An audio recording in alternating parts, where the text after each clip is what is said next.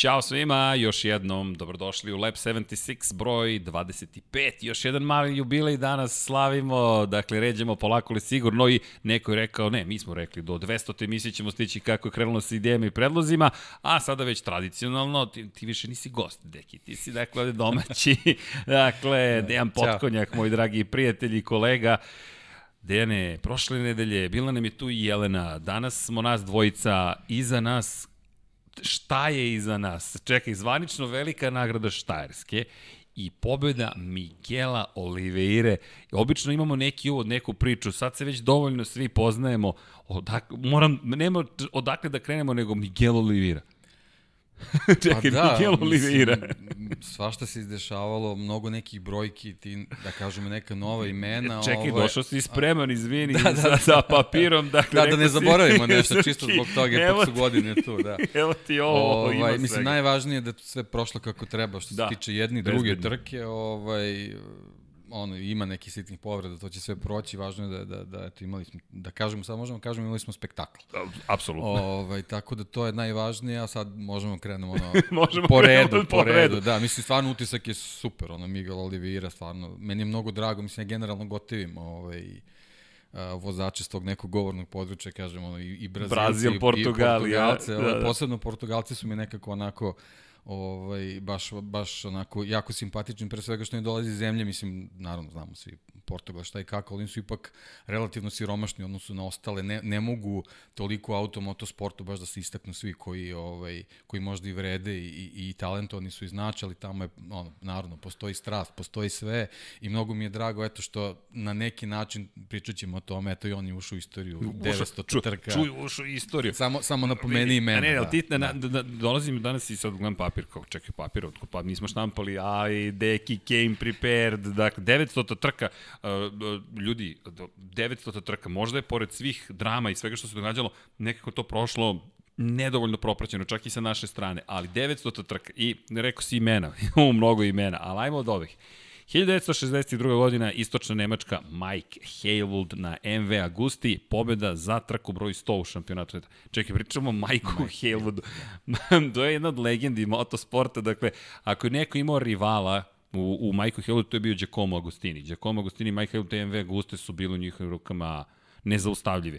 I 10 godina kasnije, čisto da upotpunimo celu priču, Giacomo Agostini, MV Agusta, Dutch TT, popularna velika nagrada Holandije, 900 trka. Da, eto samo, znači, Pazi. rekao si 10 godina, znači to je u principu 10 trka godišnje. Da, da, Ko je sad razlika bić, da, da, u, u kalendaru da, da, i tempu? Ubrzavaju da. se stvari. 9 da. godina kasnije, trka broj 300, Švedska, Barry Sheen, Barry Sheen, Barry Sheen i Yamaha. Number 7. Dakle, ne, ne, ne stvarno. A pazi sad kako, se, pa, kako padaju godine. 1989. 8 godina kasnije, velika nagrada Francuske, 400. trka. Eddie Lawson, Honda, Eddie Lawson. Dakle, za one koji nisu pratili sport, čovjek koji je svoje tri titule šampiona sveta, čovjek koji je koji je jedna od legendi ovoga sporta. Dakle, pobeđivo i na Hondi i na Yamahi. Dakle, to je prvo na Yamahi, pa potom na Hondi. On je išao obrnutim smerom. kad je bila ozbiljna konkurencija. Tako je. I on imao išao obrnutim smerom, to je Rossi išao obrnutim smerom kada je on menjao timove. Ali, dakle, osam godina posle Berija Šina, Eddie Lawson, pa, pazite sad ovo, sedam godina kasnije, 1996. godine, velika nagrada, to jest u Imoli, velika nagrada u to vreme Italija, ako me dobro, ne, nije 96. 96. je to bila velika nagrada čak možda Evrope, ali 500 trka, Mick Duan. Kako godzi, 500 trka. Evo nam ga, gospodin da, Duan, imamo da. potpis u studiju i, i, i, i I neverovatno kako, kako, kako da pogledaš koje su to imena.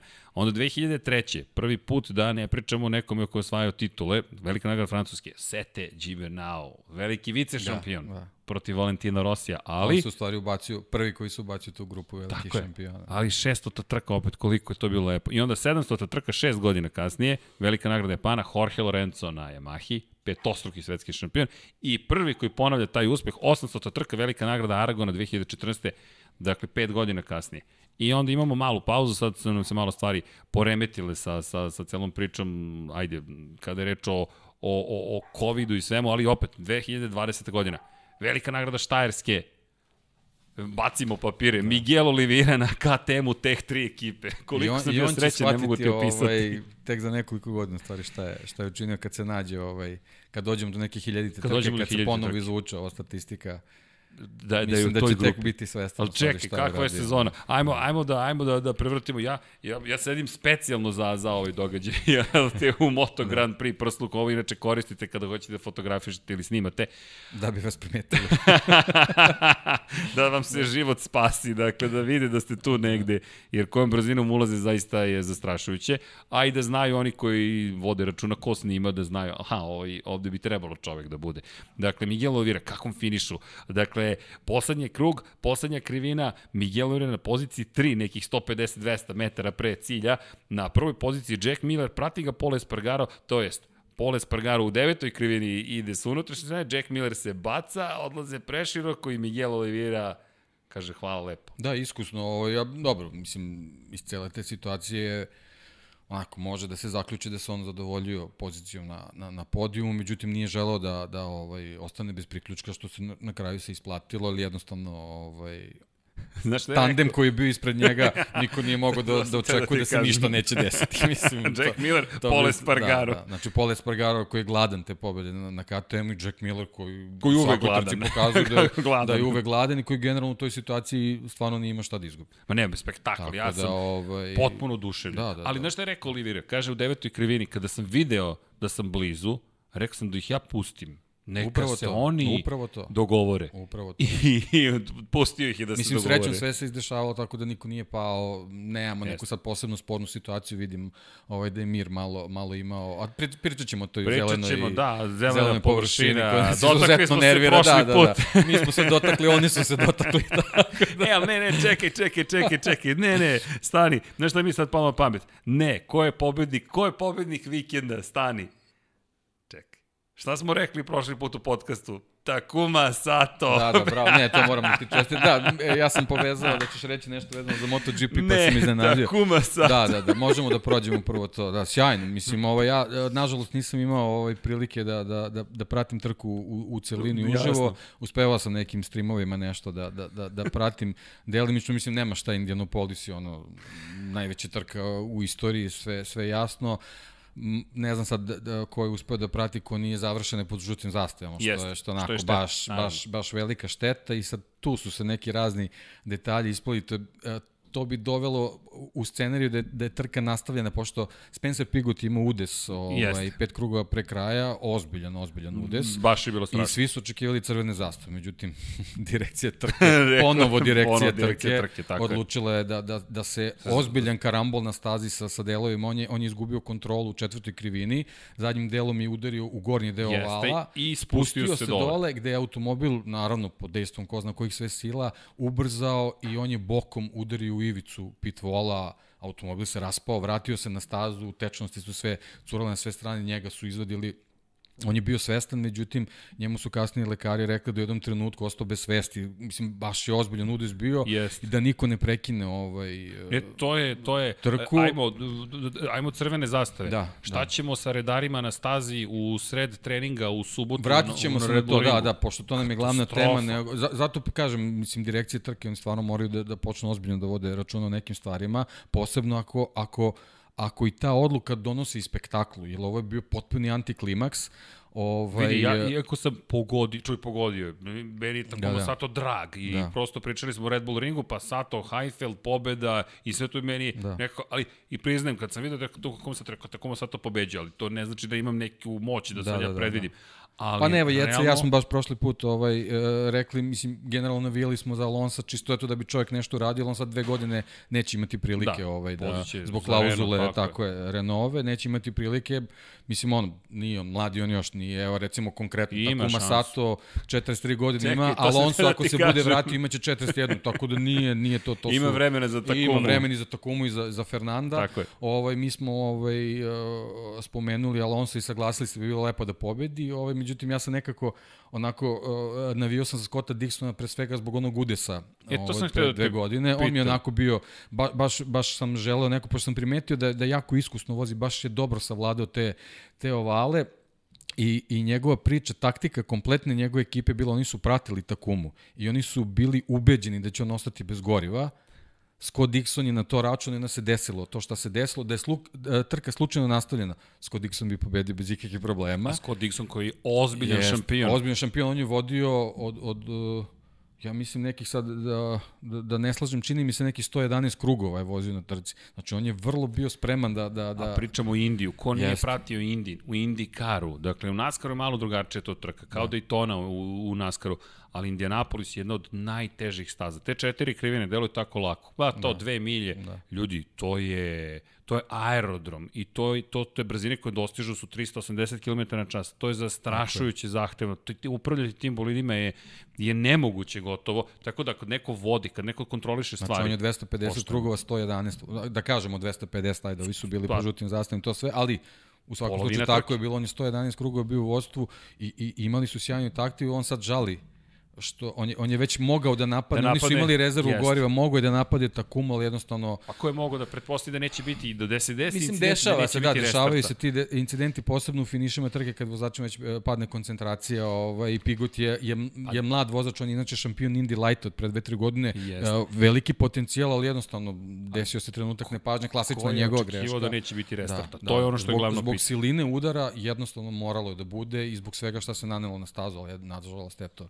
ekipa Rodgera Penskea, ko ne zna, Roger Penske je inače vlasnik svega toga, cele te priče o ovaj, Indianapolisa i šampionata i svega. Ekipa sad koja je tu jednostavno odlučila da, da, da se trka završi pod žutim zastavom, što stvarno po meni potpuni antiklimaks i ne jednog jako da zanimljivog događaja. Tako je. Da, da. Ali, u 0-0 Ali svaka čast Takumi Satu, znači on je jednostavno odmereno izvezao sve kao i, i prvi put kad je pobedio. Nije ga, ne možemo da kažemo da ga nije bilo nigde, ali on jednostavno uh, vrebo je pravu Pametno priliku je da se nađe tako Opet, na, na dobre pozicije. Mudro je da. vozio. Da. U svakom slučaju, I naravno imao je malo sreće zbog tog goriva. Meni u 0037 dolazi poruka, bravo za Takumu, tako da, da, da, da, da. to je utisak svaka vikenda, čast, šalim se. Čast. Ali da, ali niko nije, ni, ja mislim da niko nije predvidio Miguel Oliveira da pobeđuje u MotoGP. I, I oduševljen sam, potpuno sam oduševljen. Dakle, moje, moje sreći nema kraja, reći ću vam zašto. Teh tri ekipa, i o tome smo pričali tokom prenosa, iako sam pogrešio godine, posle sam shvatio da sam rekao 99. da je Žako Ja, šta sam titul. ja sve ovaj, prošli put, kakvi tu lapsusi tek bili. Ovaj. E vidi, po, ponese nas Nije ponekad. bilo spavanje. da, do, Zato do, sada papir, da, naočare. Da, da, da, da, to je, to je naš. Ali to je Samo sve papir. Okay. da, ali, da. ali 20 godina, deki, aj, aj, ajmo da se Miguel Oliveira je izuzetno talentovan vozač. To je momak koji je bio vice šampion Španije iza Maverika Vinjalesa. Momak koji nikada nije osvojio titulu. Protiv Denija Kenta 2015. drugi je bio. Opet pet pojena mu je nedostajalo. Nedostajalo mu je i kada se borio u Moto2 kategoriji. Opet samo nekoliko pojena da dođe do titule. Pojena. Prosto jednostavno, nikad nije sklopio celu priču. Odlazi u Moto Grand Prix, inače bio i u Leopardu u Moto dvojkama, odlazi u Teh 3 ekipu, na KTM-u. U tom trenutku to je ozbiljan rizik, ali da se vratimo tu na, tah, na Teh 3 ekipu. Teh 3 je 2001. zapravo ušao u šampionat sveta. 2000. su usvojili sa Olivijom Žakom 250 kubika, I imali su tu saradnju sa Yamahom, sa Yamahom u 250 kubika. To je poslednja Yamaha na titulu 250-icama i poslednja sezona kada se Yamaha ozbiljno takmičila ceo fokus Tech 3 prelazi na MotoGP. Kupuju kupuju privatne motore u četvorotaknoj eri počinju, pa dobijaju odmah i inače su imali pobedničko postoje te godine. Vrlo brzo su oni došli do dobrog rezultata. Ali nikada nisu pobedili. I posle 20 godina, pre dve godine, Hervé Poncharal rekao dosta. Mislim da je tu eh, Jean Zarko bio kritičan. Zarko koji se, za kog se verao da ima šansu da pričali pobedi. Smo, pričali smo o tome. Se sećaš kako da. se spajaju priče i nije dobio šansu. Yamaha je rekla, ne, nećemo vam dati fabrički motocikl i Poncharal prišli su mu iz KTM-a iskusno i KTM je rekao, hoćete, hoćete mi da sarađujemo. I Poncharal je rekao, ključna stvar je bila, dajte mi fabričke motocikle. I evo, dobili su fabričke da. motocikle i to na KTM-u pobede u a, a, iskusan menadžer i odličan sportski direktor. Da. A, je, upravo to što si rekao, a, Miguel možda nije osvajao te titule, Titule su za javnost, za sponzore, za kompletan marketing, ali ljudi koji su u cirkusu vezano za, za MotoGP i koji, koji prate kvalitete vozača. Miguel je tu, Mislim da je tu, tu u samom vrhu od uvek. sporno.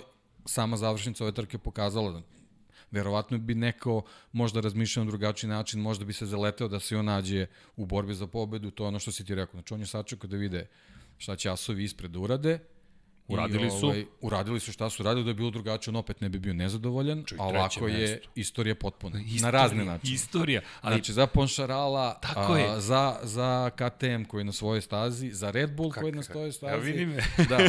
Znači, I na kraju momak je osvojio 900 tu trku u MotoGP-u, znači stvarno je, stvarno je sve uradio na, na pravi način i sve to što se dešavalo u prethodnim sezonama se isplatilo. Pazi, prvi Portugalac u istoriji. I to da krenemo od Moto trojki koji je osvojio pol poziciju, koji ima najbrži krug, koji je pobedio, koji je isto to učinio u Moto 2 kategoriji. Sada prvi pobednik u Moto Grand Prix klasi za jednu Portugaliju. Kao što si rekao, u Evropskoj uniji to je jedno od siromašnih nacija. Ne smemo te shvatiti to bukvalno, nisu siromašni ljudi, nego kada poredimo sa nekim bogatim i pa, razvijenim zemljama, lako ćemo da izvučemo paralelu. Znači imamo Špance i Italijani, to je Španiju i Italiju, nemamo šta da pričamo o motociklizmu. To su njihov, to je njihov sport. Svaki veliki talent koji se pojavi apsolutno ima ima podršku. Znači, ne, ne Pogotovo da sada, pričamo. sada više to, Velika to Britanija je tu koja ima ogromnu kulturu motociklizma, što na, na TT trkama, znači uh, Superbike, šta god. Svako ko, ko poželi i pokaže priliku, uh, pokaže da, da može da, da napravi priliku da se pojavi MotoGP, on će dobiti podršku. Nemci su tu, Znači, Portugal jednostavno uh, ne može da isprati uh, uh, zahteve jednog velikog šampionata kakav je MotoGP. Samo, do, izvini, da objasnimo da. Španija i Italija. Kada govorimo o prodaji motocikla i kulturi motocikla, vožnji motocikla, Španija i Italija se izdvajaju u celoj Evropi. Dakle, u celoj Evropi. Ima i na drugim mestima, naravno ne govorimo samo o čistim brojima, ali kultura, životni stil je u motociklima. Kada govorimo o stazama, Španci su 80-ih se udružili, svi veliki šampioni, derbi, nemoj zaboraviti kao proizvođača. Dakle, su rekli, ajmo da stvorimo nešto bolje. Mnogo je bilo tragičnih događaja u tom periodu u Španiji. Nisu imali adekvatne staze, seli su kao, kao grupa ljudi, kao savez i rekli mi hoćemo više od ovoga. Danas to zvuči nestvarno, ali vratimo se 40 godina unazad, potpuno druga priča u Španiji. I kreću sa programima, kreću sa sponzorima, kreću da se udružuju. Pa onda ljudi kao što su Angel Nieto, koji to vreme vozač, Sito Pons, Dakle, to su sve ljudi koji su kasnije imali svoje timovi i nekih još uvek imaju. Jorge Martinez za Spar.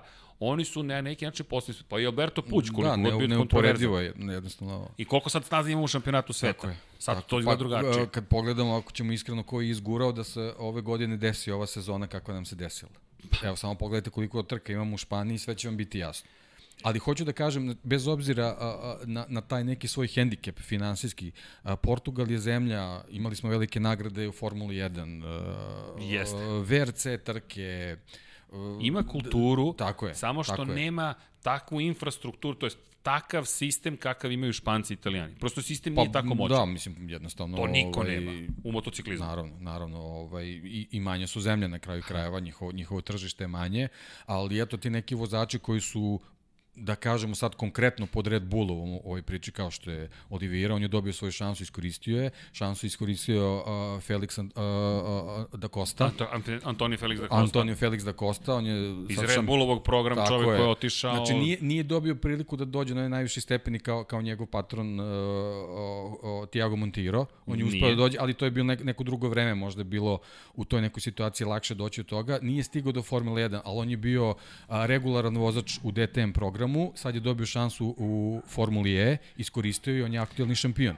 Tako da a, a, oni koriste prilike koje mogu da, da, da, da koriste do nivoa koji im je dozvoljen. I zato mi je drago što se ovo desilo sa, sa Miguelom a, u, u, poslednja trka sezone je Portimao. Tako je. Upravo to. Znači, u ovoj celoj teškoj situaciji oni su smogli snage znajući da. koliko je to važno da se i ja se nadam da, da će ovo, ova, ova pobeda Tako biti je. boost Vidi, onako kak, ima, mada njima to mislim da vidi, nije potrebno. Olivirin je... kup on čovek da. organizuje. Dakle, on je već sada sa tatom krenuo da organizuje kup. Njegov tako otac je. je veoma uticao na njegov razvojni put, na sve ono čime se bavi i predivno Mislim, naravno, zaleđe je to potrebno. Sad, naravno, da, da neko naravno. ne shvati pogrešno. Nisu tu samo sad sponzori ušli u priču i sad kao on je dobio neku šansu koju neko drugi nije. Jednostavno, to je neko porodično zaleđe koje, tako mora, koje mora da postoji, mora da postoji podrška da bi se došlo do, do tog velikog nivoa. I dobio je podršku, tako dobio je priliku i kažemo, evo, kada pričamo o Denam je, da, otišao je na oramljivanje, potpis koji smo imali sad sa Maverikom Vinjalesom iz 2011. 2010. njih dvojca su vodili žestoku bitku u šampionatu Španije.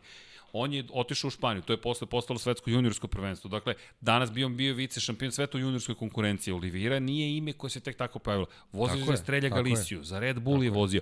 To je jedan ozbiljan momak. Za Leopard je nastupao i onda Red Bull kaže čekaj, ovog momka mi znamo Tako je, bez obzira što titule nisu bile tu da Tako potvrde, je. neko je njega pratio i tu se vidi kako su stvari ozbiljno radi, kako se selekcija Tako pravi. Je. I ono što je bitno, to iskustvo koje sticao svim tim timovima je veoma ozbiljno i dolazimo do KTM-a, programa koji si ti spomenuo. I sad pogledaj, neko je tweetovao, dakle, Pole Spargaro koji je rekao ja ću prvi da pobedim za KTM. Sada već imamo dve pobede za KTM i dva pobednika za KTM, koji su momci koji su vozili, jahali na tim KTM-ovima u nižim klasama.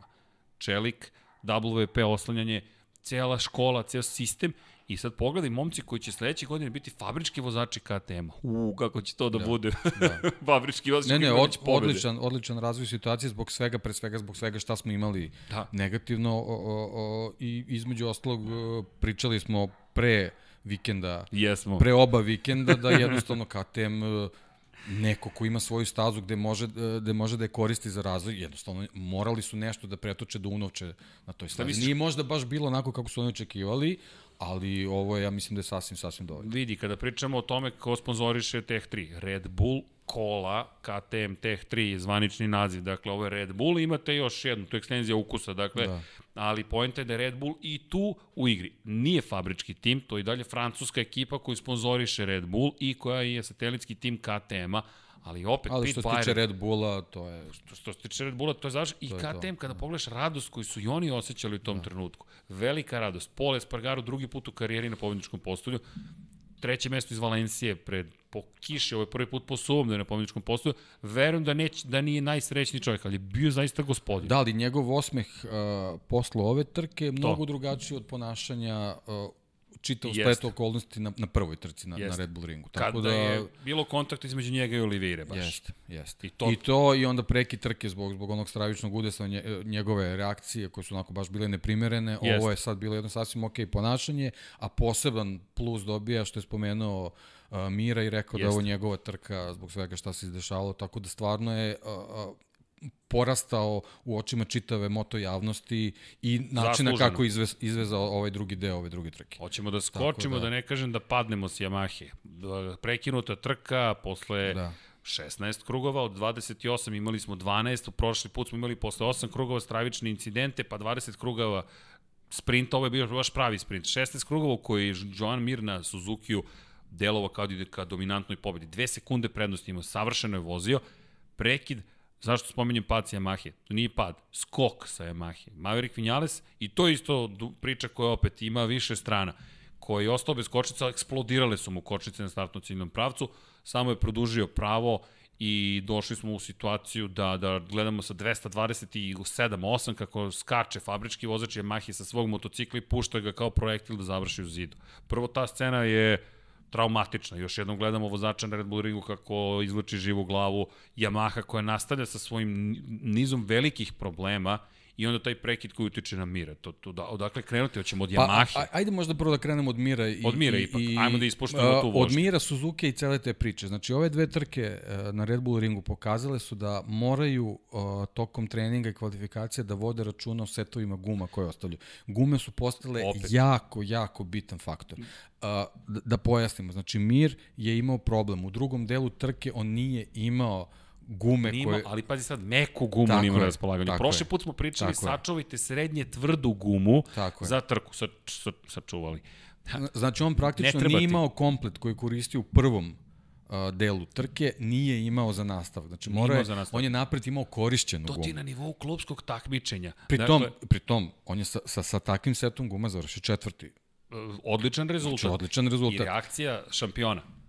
O, okay sledeći put, ali tako nisam zadovoljan. Tako je. Tako Nema zadovoljstva. Tako je, tako Znam je. da mogu da pobedim. Pazi sad, i to je tema. Meni, meni je žao, mislim, e, ako, ako sećaš kako smo pričali, ja sam e, Znam u najavi rekao sam da bih, znam da je Ducati, da je KTM sve, ali ja bih volao da Suzuki pobedi, zašto su na prvoj trci pokazali da mogu. I šta smo rekli? Ovaj, ali, ako pretekne na početku, ako je, se izbori, tako, i uspeo je. I to je uspeo, znači on je uradio, nismo mi sad izmislili toplu vodu, to je bila jedina moguća taktika u, u celoj priči, on je uradio sve što je bilo do njega. Savršeno je Nažalost, desilo se što, to što se desilo, tako da uh, ovo je možda priča, ja sad ne znam, ovaj, naravno, iskreno se nadam da neće biti prekida na načine kako smo imali na Red Bull ringu, ali jednostavno ekipe moraju da vode računa o, ali, o gumama kao što se vodi računa o nekim drugim ali, vrhunskim šampionatima. Ali izvinjamo, sad smo baš, baš danas nešto pričamo, planiramo neka snimanja na polju i onda kako ćemo sad da isplaniramo? Ako je sunčano, to je jedno Tako snimanje, je. ako je mestimično, oblačno, to je malo s oblaci, malo sunce, to je drugo snimanje. To je to je najnezahtevnije snimanje, jer ti se stalno menja white balance, stalno ti se menja gde si. To, to je nešto što, što sam ja snimateljima pravio pakao. Stanem u senku, izađem na sunce, jure me još u beloj majici, to je pakao. E sad da što to spomenjem? Došli smo do stadijuma kako da znaš koje gume da sačuvaš. Sve je najavljivalo kišu tokom vikenda. Nije bilo 54 stepen Celsijusa u okay, subotu. ali jednostavno uh, uh, ako, ako postoji mogućnost da bude neki, neki, neka sprint trka, moraš, ali, moraš da, da ali, računaš ali, na to. Da, ali vidi, da. oni su sačuvali, ali nisu imali meku sada gumu. A tebi sad treba meka, da. a prošli put je bila srednja tvrda. Što znači da od kompleta koji imaš, ti odjedno moraš da čuvaš ne jednu, dve gume. Jednostavno, to su, to, su, to? O, to su sad već neke stvari o nekim taktičkim razmišljenjima gde ja mislim da, da, da odmah povežemo tu priču, da je ta ta procena situacije i ta taktika uh, jako, jako važan faktor u uspehu Marka Markeza. Između osta i, i, i Sante to, Hernandeza, e, njegovog to, šefa tako ekipe. Je, tako je, i to je neka stvar gde drugi moraju malo da uče oko toga. E sad da dođemo do Yamahe, zato je meni potpuno neverovatno da u pauzi između prve dve trke, između prve i druge trke, uh, izjava Maverika Vinjalesa bude probaćemo neke stvari na drugoj trci, pa ćemo videti gde će to da odvede. Znači, jedna velika ekipa, kao što je Maha, ne može ni slučajno sad ja ne znam, to izjavio vozač, ali jednostavno takve stvari ne mogu ni, ni da budu a, a, a, u, u, u nekom planu razgovora, da, da će oni probati neke stvari pa će vidjeti gde će dovesti. Ne znam ja a, tačno na što je on mislio, ali da se vratimo na kočnice, a, on je na a, ovoj trci, ovo što mu se desilo, on je a, vozio, kako oni kažu, standardni set Tako prema kočnica. Svi ostali su uh, na motociklima imali, imali evoluciju. Pazi, imaš, disko je 320-340 mm. 340 su napred obavezne na Motegiju, na primjer. Motegi zna se, ne, ne, nemaš opciju. Zašto? Motegi je stani kreni staza. Pun gas staneš, pun gas staneš i to je, to je staza na kojoj mora da se vodi na računa o tome da stigneš do cilja. Red Bull Ring ove godine u kombinaciji s visokim temperaturama je doveo do toga, opet, zvuči poznato, pun gaz pa staneš. Ne, tako je, ali, klasična kreni stani staza. Tako je. Da. I šta, do čega smo došli? Uz visoke temperature, koje su čak bile niže tokom druge trke nego što su bile u prvoj ili tokom kvalifikacija pa i prvih treninga ovog pet, prethodnog petka, dolazimo do toga da je Mahi stradaju kočnice. Dva puta su otkazivali setovi kočnica prethodnog vikenda i to čak se sa klještima imao problem. Nije imao problem sa diskovima Fabio Quartararo koji je produžio dva puta u trci. Međutim, sad dolazimo do toga da je Brembo rekao, ne, ovo je preporučeni set. Ignorisali su. Maverick Vinales i njegov tim nisu iskoristili taj pojačani set, nego su uzeli drugi set. Dolazimo sad još do jedne situacije. Alex Rins, ne zaboravimo klubski kolega Joana, Joana Mira u Suzuki-u, koji kaže ne znam zašto Maverick Vinales nije stao, pošto smo videli već nekoliko puta tokom trke da je imao problem s kočnicama, da je dizao ruku, da je imao problema sa zaustavljanjem u krivini broj 3, već je nastavio trku. Pazi, sad se vraćamo opet na ovo što si rekao. Tim, vozač, kako možeš sebe da dovedeš u tu situaciju? Svako... Pri, tom, pri tom si dalje ozbiljan konkurent za titulu. Tako je. Znači, dozvoljavaš sebi da eksperimentišeš. I to sa čime? Sa kočnicama, Pazi, da. na kraju tom znamo, znamo, znamo koliki je, uh, koliko je uh, veliku ugru, ulogu kočnice igraju kod Yamahe. Oni nemaju najveću maksimalnu brzinu, oni su bili je. potpuno outsideri, videlo, videlo se po, po vremenima. Znači, jedini njihov, uh, da kažemo, adut u toj celoj priči bilo kasno kočenje. Imaju vozače koji to mogu da, da to izvedu. Je... Znači sve, sve na šta su trebali da se fokusiraju, to jest, ajde ne, da ne kažemo sve, e, sve, ali u najvećem procentu ono na čemu su trebali da se fokusiraju su kočnice. I njima se desi, recimo Fabio Quartararo je rekao za, za drugu trku on je iz svakog kruga osjećao kako mu je košnica sve mekša i mekša. Ta, ta evolucija košnice. Pazi sad ovo, to je, to je onaj čuveni fade, kada tebi to ne želiš da čuješ u, ko, u automobilu, na bolidu, Tako. kamoli da čuješ kako tebi propada polako kočnica tokom cele trke. A govorimo o trci gde su prosečne brzine najviše u svetskom prvenstvu. Dakle, mi kada govorimo o, o, o konkretno Štajerskoj, to jest Austriji, mi pričamo o najbržoj stazi kada je reč o prosječnom krugu. Dakle, ne govorimo sad o stazi koja je, ima maksimalnu brzinu najveću. Nema. Ok, Mugello tu će dalje da bude spektakularno, ali 320,4 maksimalna brzina.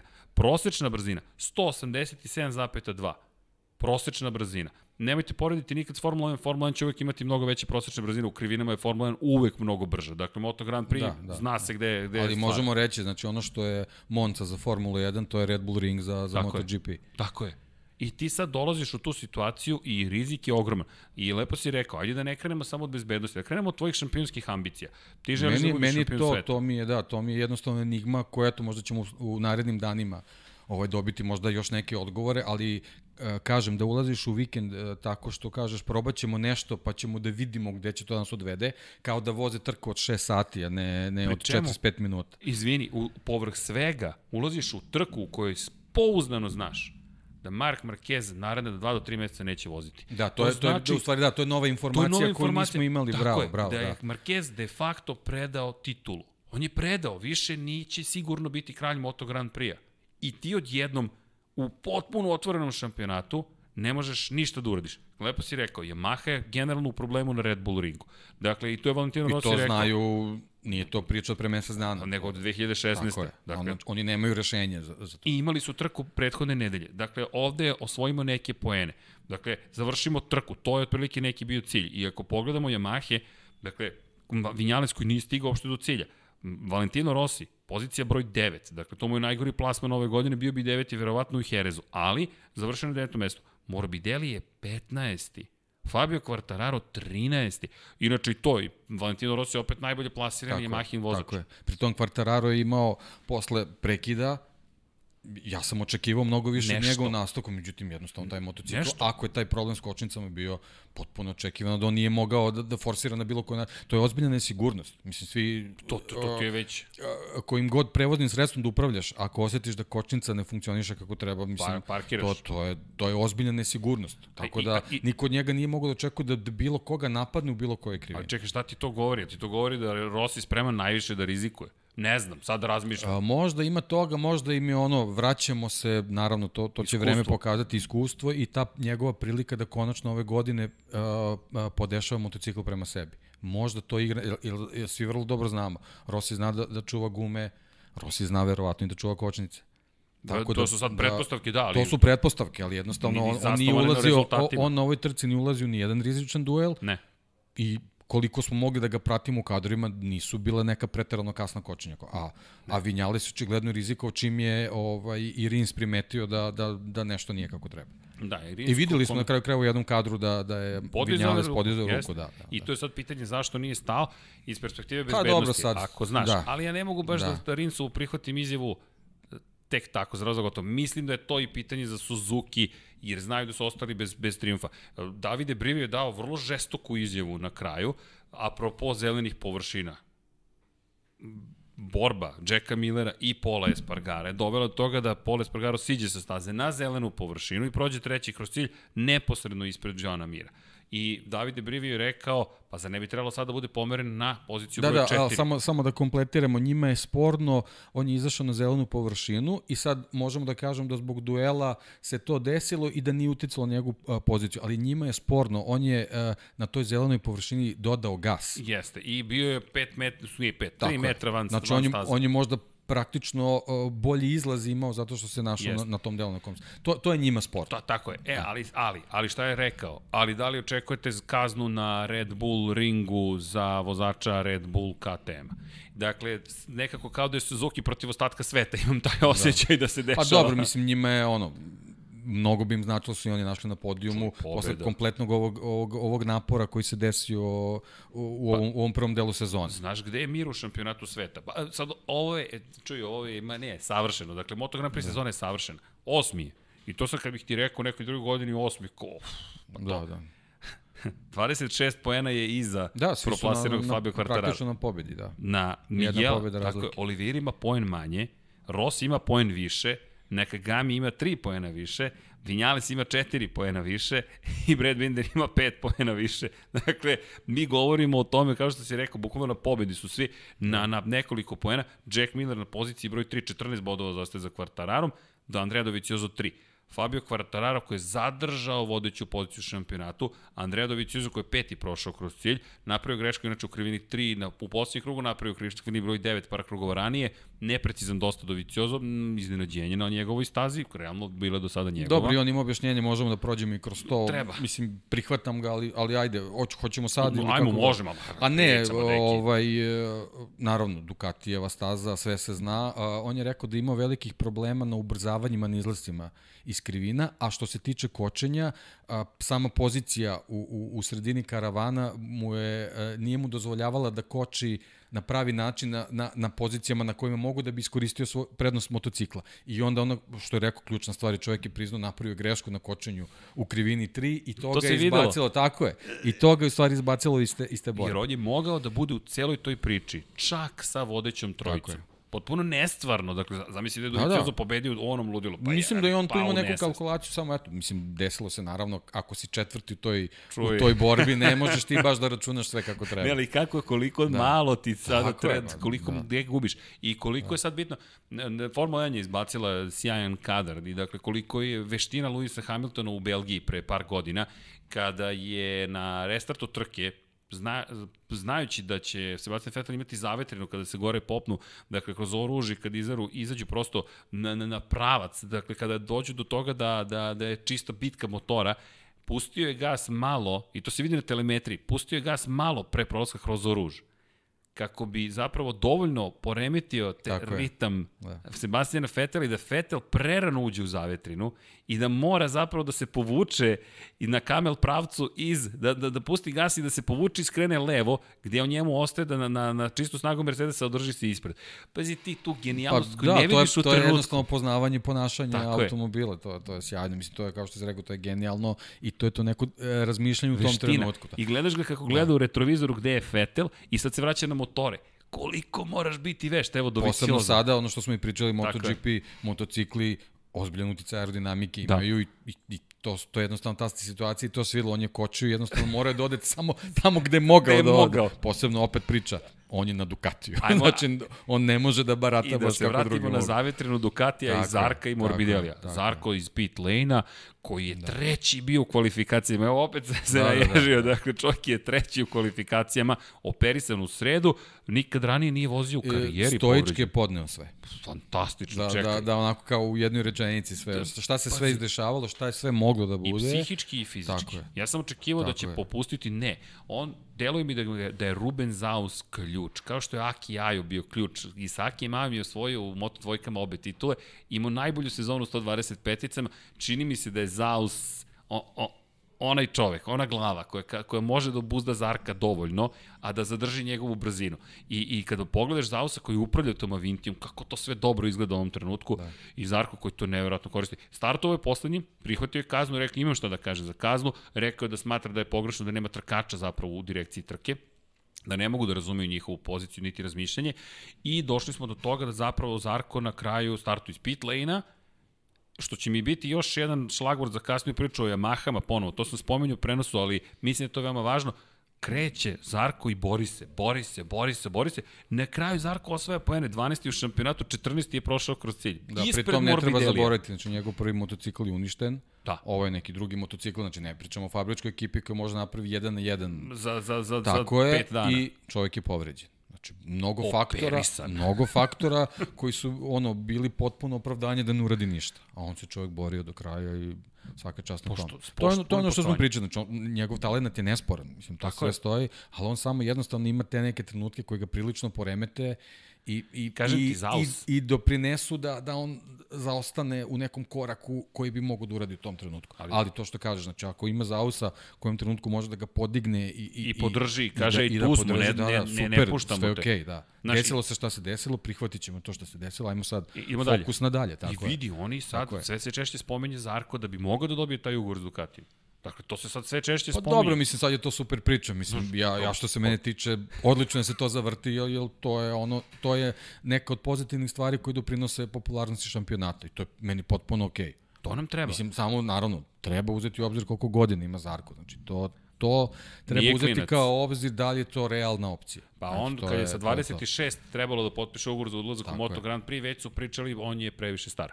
I onda je došla na prva trka u Kataru, kad je vodio na Yamahi, ok, izletao sa staze. Samo, je da, samo da navedemo, znači pričamo o Miguel Oliveira, on ima 25 godina. Da, da, da, ok, A Zarko je 6 godina star. tako je. Za- Zarko nije klinac. Tako je. Naprotiv. Znači to je to je momenat koji koji ne treba ne treba da bude nebitan u ovoj priči. Ne, ne.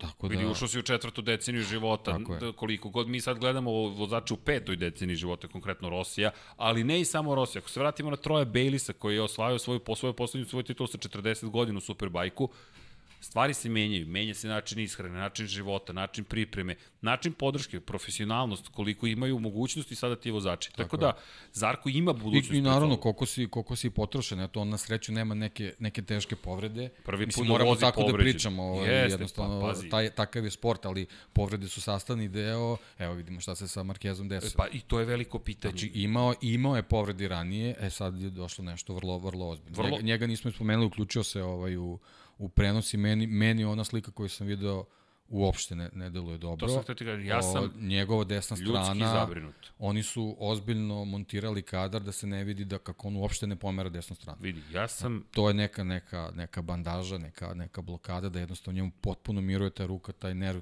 očigledno mora mnogo dobro da se oporavi da bi uopšte krenuli u neku priču. Ja, on, on, to smo isto spominjali, ja sam očekivao da će ga videti na Red Bull ringu. Čisto da dođe, kaže, evo tu sam, okej sam, da pomogne Ali bratu ako je da... povređen, neće doći. Ne, neće doći, ali, ali ovo, je, ovo nije... Vidi, ja, ja ti iskreno kažem sada i ne želim Znaš kako, da drugačije je kad, kad, kao kad ti počne emisija kažeš ćao svima, pa podigneš Drugačije ruku, a drugačije, drugačije kad se tvoje ruke ne vide. Tako da meni to onako, mislim, e, ima on onaj svoj osmeh, e, zrači tim nekim optimizmom, ali meni jednostavno, mislim, volao bi da grešim, ali mi uopšte ovaj, ne, ne, ne liči da, da je ono nešto što će jako brzo da prođe. Ne želim, zaista pre svega navijača i obožavatelja Marka Markeza je. da zabrinem, Tako ali je. ja jesam zabrinut i to veoma zabrinut za njegovo zdravlje. M, Slažem se s tobom, apsolutno kada je reč o kadru, na prethodnoj slici, prethodni put kad smo komentarisali, vidi se njegova ruka, iz, vidi se da je bandažirana. Ali vratit ću se na ovo što si rekao. Kažu, traži, žele da se zaleče kosti što je bolje moguće. Ja na osnovu, nažalost, i više iskustva nego što bih želeo da imam sa, sa nekim delovima ljudskih, ljudskog tela, ne vidim problem u tome. Ja mislim da je nerv. I m, pričali smo nešto tokom prenosa Moto2 trke o, o, upra, o upravljačkim mehanizmima. Sa leve strane na motoru Semalow se generalno Mark VDS Racinga, dakle za njega je Augusta Fernandeza, kao na stunt motoru. Dakle, desno je kočnica, prednja kočnica, pozadi je, to je dole na, no, no, na nozi je Klasično, da. klasično Da, desna, da, da, da. na desnoj nozi zadnja kočnica, levo vam je kvačilo. Sta, šta ima stunt motor? I hva, pozdrav za rade, rade, Pozdrav, rade, da, da, da. rade stunt koji je, koji, koji sam zvao. Rade. Pa, ajde da proverim, kao, da, da, to ti je to. Jer u čemu je fora? Dakle, i ne zamislite, ne zamerite malo opuštenijem razgovoru, to jeste poenta. Dakle, kvačilo Bolje je bi tu. on od nas to objasnio. Da, ej, A, Rade, ako slušaš, gledaš, spremi se. O, oh, oh, deki. Da, Ja da objašnjava dok je motocikl Ja mislim da je... Ra... U, pa, pa čekaj, moram proverim da li sledeći je slobodan. To Okay. lako je proveriti, nije problem. Dobro, čim se završi, nećemo A i nije sada. daleko, nije A i nije daleko. daleko. Dakle, Rade, očekujemo to u studiju. Rade stant, obratite pažnju, kakav stuntman. Zna, vo, vozio prošle godine u Holandiji, reka, on će mi ispričati kako je to izgledalo, ali, um, po čemu je poenta? Prednja kočnica, to jest zadnja kočnica se prebacuje na levu stranu. Zašto? Da bi to i to imate na MotoGP-u. Duan je upravljao palcem, Mick Duan, petostruki svetski šampion, imao je povredu, stravičnu povredu, dakle noge desne, koja je dovela do toga da Honda napravi na NSR 500 zapravo dugme na prednjem kraju gde on upravlja zadnjom kočnicom. Nije mogao da koristi nogu na adekvatan način. Kasnije se to pre, pre, pre, prosto prebacilo u upotrebu Moto Grand Prix da bi omogućili vozačima kada su u desnoj krivini, pošto su sada uglovi obaranja motora preko 60 stepeni, došli su do toga da koriste desnu ruku, da li na dugme ili na ručicu, da bi mogli da kontro- kontrolišu proklizavanje zadnjeg točka. I to se sada proširilo i u Moto2 kategoriju. Šta se tu desilo i zašto spominjem sada ovu priču? Desilo se da kod Sema Lowsa, na primjer, kada, kada je imao taj false neutral, dakle kada je krenuo, kada, kada je iz- izašao van brzine i pokušao da vrati, nije samo uhvatio kvačilo, nego i zadnju kočnicu. Da se vratim na, da sad pričam o Marku Markezu. ko slično koristi motocikl. Sa desne strane ima samo dodavanje gasa Matija Pazini. Sa leve strane ima prednju kočnicu i kvačilo. Zašto? Povredio je, nažalost, nerv desne ruke Matija Pazini u, u jednom vrlo ružnom incidentu. Njegova ruka je gotovo potpuno atrofirala. Dakle, Matija Pazini kada se i rukuje, vidjet ćete da ne može da vam pruži ruku. To možete da uočite samo kada ga upoznate, kada stavi kombinezon i vozi, pomislili biste ništa ne fali Matiju Pazini. Ne, Matija Pazini je junak, čovek vozi, sad trenutno ne vozi u svetskom prvenstvu, ali pobednik je. Čovek koji se bori za titule, jedna od najlepših pobeda ikada na 250 kubika u Muđelu protiv Marka Simončela 2009. On ima povredu nerva. Dakle, i ne želim da plašim bilo koga, ali povrede nerava, mogu biti ne, ovo su, mislim, ovo su samo naše pretpostavke, Tako naravno, je. ali jednostavno kažem, meni taj ceo kadar nije, nije ovo. Ja, Mene ja sam, ja sam, uh, kako bih rekao, jedva sam čekao da ga vidim uživo.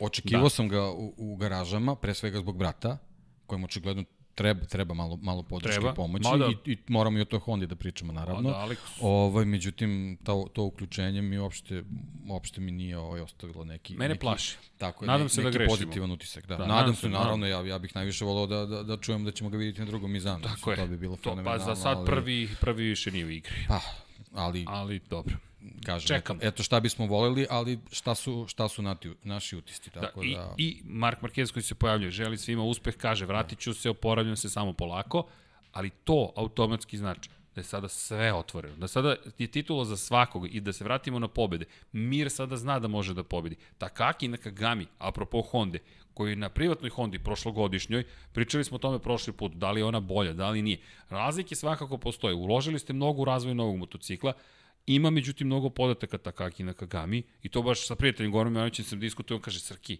vidi, to, su, to, to je more podataka za tim motociklom, a Kagami dobija ogromnu podršku HRC-a, Honda trkačke korporacije, Takaki na Kagami u borbi za pol poziciju i u petak kaže bori, ja mogu, hoću da se borim za plasman na pobjedičko postoje. Koliko moraš da budeš siguran u sebe u tako konkurentnom takmičenju da kažeš ja mogu na pobjedičko postoje, a onda se mučila prethodnog vikenda. Meni je to, fascinantno i dalje nije rešila svoje probleme, ali ako pa, negde da, postoji... Da, iz trke u trku je napredak i, to. i ova, ova, ova pauza je adekvatna pauzi koju imamo u regularnoj sezoni kad, kad je leto da. mesec dana kad imamo pauzu. Ovo je, ovo je za, za, za, za ovaj godinu, format da, za ovu godinu kao, kao da smo na letnjem raspustu. Tako da ja mislim da, da Honda samo može ovo da iskoristi o, da bude kao plus pre svega Aleksa, a onda i, i Take koji je ve, već, već u nekom, nekom ritmu. Sad, šesti u prvenstvu, da. 24, 24 pojena ispred, iza kvartarara. Da. Znaš, da. on ima teoretsku šansu da se bori za titulu. Me, koliko god to delovalo sad nestavno, ali na Kagami, deseti, četvrti, osmi, šesti, sedmi. A Srki, mislim, 250 bodova u opticu. U opticu, tako, tako je. Da, mislim, u ovom trenutku neko ko zostaje 30 bodova može da se nade da, da će nešto posebno u, u, ovoj, u ovoj konstelaciji gde, gde je svaka trka potpuno nepredvidiva i gde, gde su nam podijumi potpuno različiti. Mi nemamo jednog čoveka koji je bio na, na svim podijuma. Mislim, ne, to ne, ni blizu toga. Tako ni da... blizu. Ako pogledaš, izvini, najkonstantniji u celoj ovoj priči u Austriji Jack Miller. Da. Znaš, Jack koji je bio treći pa drugi. 36 da, da nije, da nije bilo pada u Hirezu. Da nije to bilo je, pada u Herezu. To je već ozbiljna zaliha bodova, a taj pad u Herezu jednostavno to je bilo ono što smo pričali. On, on u, toj, u, u, u tom trenutku je hteo da proba svoje Tako limite je. i kao ako sad probam i, i, i pogrešim, nije strašno ima mnogo to da, da se Pazi, vozi i evo. To, da je uzeo je... 9 poena, da. on bi 5 poena bio iza kvartarara. Da. Kvartarara, A to mislim da to u ovom trenutku plus 3, 5, to, ništa, to, to ne stvarno postoji. ništa. Ne, I Kvartararo koji je rekao, nisam više siguran u šampionske da. šanse posle trke na Red Bull ringu. To je, da, to je baš onako... Vidi. Teška izjava koju nisam očekivao. Ja sam očekivao malo više optimizma, posebno što dolazi Mizano koji je onako od ovih trka koji su bile, Jerez mu je najsličniji. Da, to je. I borio je... se za pobedu protiv Markeza prošle godine. Da. I to u debitanskoj sezoni na još Tako uvek je. nedovoljno dobro, ne dobra, dobra, dobra stvar je što dolazi Mizano, ajde daleko je sad možda da, da ne pričamo sad više da se vratimo da izanaliziramo ovo što je bilo. Vidi, ali ovo je dobro je možda što dolazi staza koja niko ne može eksplicitno kaže da mu ne odgovara. Postoje segmenti gde, gde nekome nešto nije na ruku, ali niko ne može da kaže da mu, da mu u potpunosti ne odgovara staza, uključujući Yamahu, koja tu treba da bude. Vinjales. Mislim, Ajmo, ajmo, ajmo, ajmo samo kratko. Pol pozicija prošle nedelje na Red Bull ringu, tačno vikend ranije. Prošle godine Yamaha ovde sa svim stacima i problemima u kvartararovim rukama bila treća. Koliko god da postoji problema, dakle, ok, ne, ali moram, moram, moram ipak da, da, da, da, da ovo spustim na Yamaha, na Yamahu. Ako pogledaš zašto možda to izjavlja, E, iskreno, iako si rekao da, Mizano jeste daleko, ali Mizano sigurno može mnogo bolje da im bude. Sigurno. Dakle, Pre svega zbog pauze. Znači, oni, oni sad imaju priliku da duboko udahnu i kažu čekaj, da vidimo. Čekaj da vidimo šta sve ovde ne valja. Jeste, Tako je. Lista je poduza. e, Nije sporno. Da, neko pitao zašto kritikujemo Yamahu. Da, da. S razlogom. Pa, mislim, kritike, to, to je jednostavno, to su, to su, to su činjenice. činjenice. Kažem, mene, mene najviše mi zasmetla ta Vinjalesova izjava na stranu, čak i Kvartararo. Ne možeš da kažeš, e, idemo da probamo pa da vidimo šta će bude.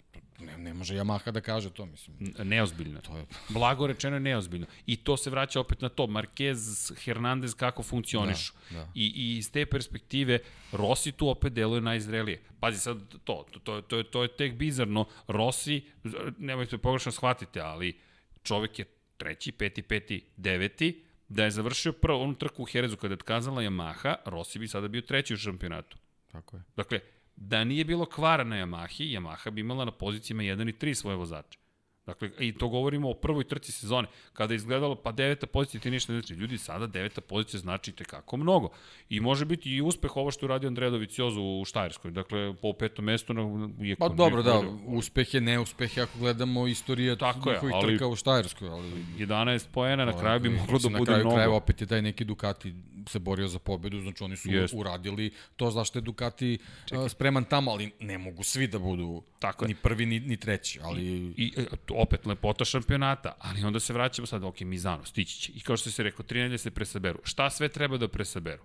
Otkazuju motori, pri čemu Vinjales je uništio još da, jedan motor. Da, još jedan blok je zaboravljen. Gotov. Dakle, da. mi imamo sada kod se samo tri motora do kraja. Da ispričamo i celu priču iz ova dva vikenda. Maha, neko je pitao oko zapečaćenih i odpečaćenih motora. Dakle, da objasnimo šta znači zapečaćen, odpečaćen, dakle, ajde, plombiran, kako god želite. Dakle, pojent je u sledećem vi pravite, jel te, motor od raznih delova, da ne prolazimo sve delove, ali vi ga zapečatite, plombirate. To znači, to više ne sme ništa da se dira u njemu. To je zatvoren jednostavno motor koji možete da uzmete da skinete, selite, premeštate, plombirani delovi moraju da ostanu takvi kakve su zapečaćeni. I ukoliko je slomljena plomba, to je kazna. To se smatra da ste vi prekršili pravilnik. E sad, pričat ćemo i o kazni. Evo ukratko, kazna ukoliko prekršite taj pravilnik, je vrlo rigorozna. Startujete iz pit lane-a 5 sekundi pošto se upali zeleno svetlo za izlazak iz pit lane-a. Ljudi, 5 sekundi u Moto Grand Prix kategoriji iz pit lane-a. Zarko je startovao iz pit lane-a, mogli ste da vidite gde se nalazi u, u Austriji. To je gotovo izgubljena bitka. Dakle, imate pet takvih motora na raspolaganju tokom godine. Vi birate kada ćete da ih zapečatite. To je vaš izbor. Obično se zapečati broj 1 i broj 2, obično ih ima 6 tokom godine, ove godine skraćene pa ih imamo 5. Zapečatite dva, zašto? Koristite jedan i drugi tokom vikenda, razrađujete ih, prosto ih pripremate, to onaj koji koristite u trci obično koristite u jutarnjem zagrevanju da biste bili najspremniji za taj dan trkanja. I onda kombinujete svoju alokaciju, malo jedan, malo drugi, pa onda ubacite treći, malo ga razradite, pa se vratite na prvi, drugi, treći i tako dalje. Yamaha je zatvorila svih pet. Zašto kažemo zapečaćeni? Dakle, kao što smo rekli, plombirano je sve. To, tu više nema promjena. Svih pet je zatvorila u prve tri trke. To je, to je nezapamćeno. Bukvalno. A onda se ispostavilo... Da, bilo je, bilo je sezona gde, gde se bukvalno jedan, motocikl, jedan motor je ostavljao, ostavljan, ostavljan za, finiš sezone. Za finiš sezone. Da. A ti sad imaš pet zapečaćenih. Pri čemu? Kod Rosija eksplodira u prvoj trci. Dakle, po vozaču imate pet motora. Krećemo od početka, znači prvo idemo Morbidelli. Ne, ne, ne Rossi, A, za, Rossi prvi, za Rossi pričaš, da, da. A onda da, Morbidelli. Morbidelli, da. To ti drugi. I onda Vinjale su strada treći motor, iako ne u trci, ali strada povučenje iza lokacije. Kod Rosija, dakle, ostala su četiri motora, kod Morbidelija četiri motora, kod Vinjalesa četiri, posle ovog incidenta tri. Kod... I Mor Morbidelli minus jedan. Tako je. I, dakle, i sad imamo Ko, koju situaciju? Imamo kvartarara koji je najbolje prošao, ali kome otkačaju kočnice dva puta u istoj trci.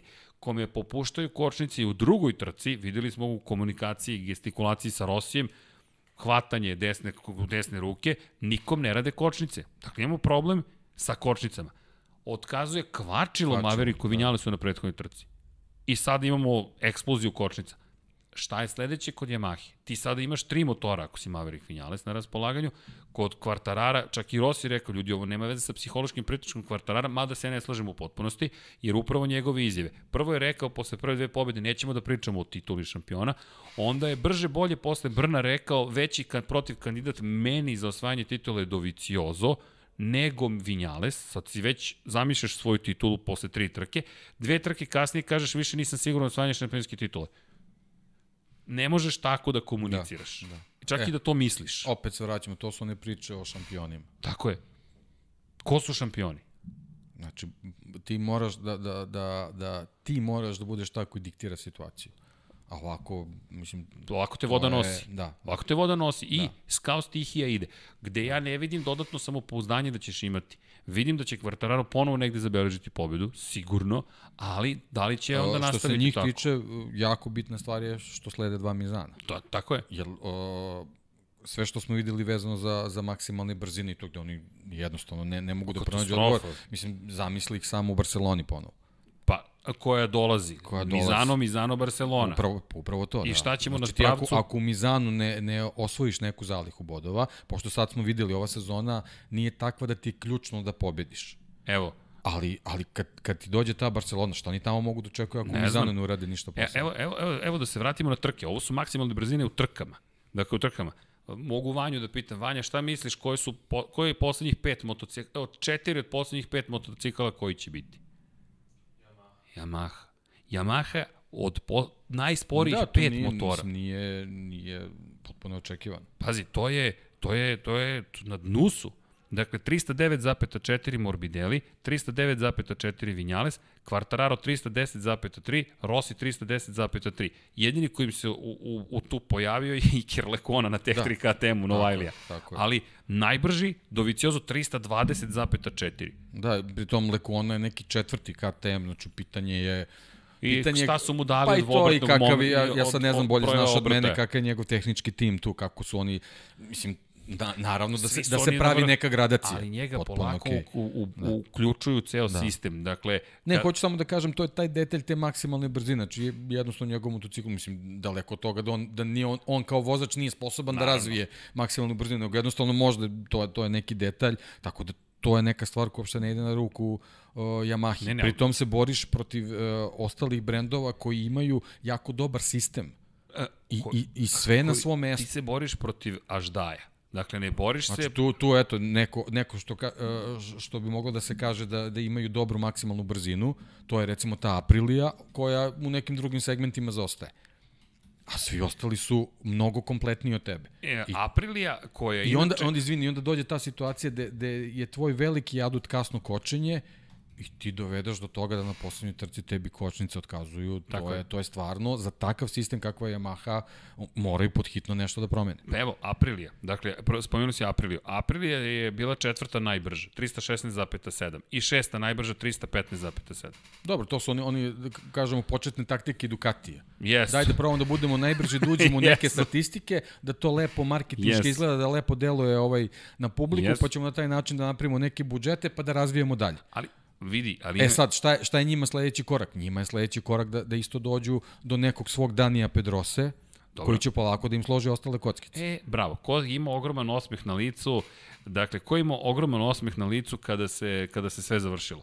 Dani Pedrosa koji opet čestitao ekipi i koji opet samo nasmejani Dani Pedrosa, pričali smo toliko i i o njemu prošli put. Dakle, čovek kada, kada, je, kada je pobedio Brad Binder. Dakle, govorimo o na jednom fantastičnom trkaču koji više ne želi da bude u cirkusu, ali želi da vozi motor. I ti ga dovedeš i kažeš, evo ti, koliko god hoćeš kilometara, Da, ali to je, to je opet motor. prepisani recept od Ducatija. Jest. Oni su Casey Stonera povukli sa pecanja i čovjek im je napravio pobednički motocikl. Yes. Sad to što oni nisu iskoristili za, za osvajanje šampionata, to je neka to druga priča. Drugo. Ali oni su imali materijal gde su u svakoj trci mogli da pobede staza vaša, nije vaša, brza, spora. Oni Nema su imali veze. materijal. E, to je lepo kad ti rekao, aha, čekaj, znači nama treba a, neko ko je mnogo, mnogo iskusan.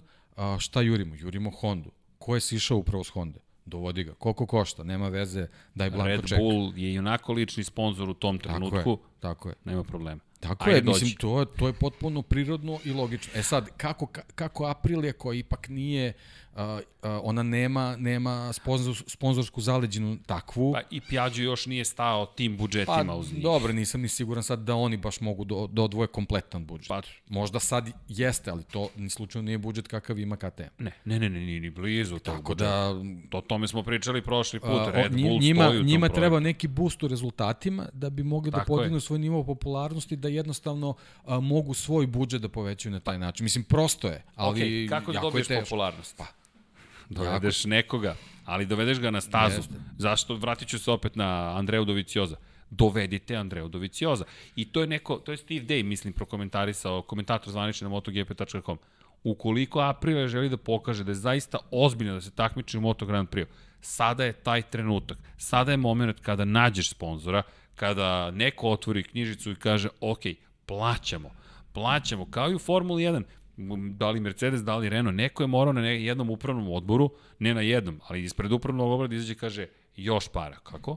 Još para. Ako hoćete zaista, jer najgora su ta polovična rešenja. Ušli smo, ali nismo ušli. Sad je moment, blizu si, malo ti fali. Sad je ta igranka kad ti... Da, to je kao, malo. kao i Kawasaki u poslednjem, u poslednjoj avanturi, da tako nazovem. Tako je, To, to tako je je. bilo mnogo, mnogo potrošenih para, a jednostavno suviše si mali da bi bio tu. Znači, ovi sad moraju samo da odmere koliko je, Koliko je- koliko je to, koliko Tako mogu je. da, da se pruže, da, da urade ono, verovatno imaju potencijal. Znači, samo da vidimo koliko to košta da, da dovedemo na neki maksimum. Tako je. I ko tu može da se sad pojavi kao tako sponsor i da tako kaže, ok, mi hoćemo uz tu celu priču. Teško mi Da li ti je Janone rešenje, brz vozač, ali prilično, prilično problematičan, može o tome da se pod priča. znakom pitanja. Na razne načine problematičan. Ja Znači, ne bih gledao Kanone, zaista Ja- bih gledao Tako je, Kadovici meni, meni je žao, mislim, on je meni jako simpatičan, sve, sve super, ali uh, mnogo, mnogo loših stvari za svoje timove uradio, Da. da bi on bio taj na koji ću kažeš, e, on je da. naše sidro, mi se oslanjamo na njega, to je jako, jako teško da neko može da tvrdi u ovom trenutku. Da, čak i kad je uradio dobar posao u Suzuki, već je bilo kasno. Jednostavno, otrovna je atmosfera. Koliko god je None za publiku bio super Pa zabavan. dobro, on je, on je već u tom trenutku imao ambicije i onda kad ne možeš da stigneš do njih... Frustracija. Tako je. Je, se budi frustracija Tako i je. onda ti nisi više rešenje. tako je. Onda dolazi neki klinac koji se zove Joan Mir i odjednom nasmejano, veselo, sunčano Ne lice samo to, stiže, nego on, on kreće. pokaže da, da, da, da uh, performansam odgovara odmah, od početka. Ne, nema tu šta mnogo da se razmišlja. Svako, svako ko se nalazi na poziciji da, da bude taj koji odlučuje o kadrovima, vrlo, vrlo je lako da one odluče. Dobro, Davide Brivio Pri tom je... da ne pričamo, da- vezano za Suzuki, znači da ne, ne pričamo Da, da. opet ono što smo pričali, znači, treba ti dođe neki španac koji pokazuje da je talentovan. Ne, nema tu... Ima još jedna stvar. E, tu je Zarko bio neko koji je izabran bio Da. i onda su godine odigrali ulogu. Brivio je rekao, ne, on je previše star. Hoćemo Ja mlađeg mislim da je vozača. njegov, uz sve te neke sitne probleme koje mislim da, da, da, da su prilično sporni, da je ključan faktor krštenica. Godište. A Zarko je, stva... Zarko je inače prvi pobednik Red Bulla u Kupu Novajlija, tamo daleke 2009. I on je pričao o tome.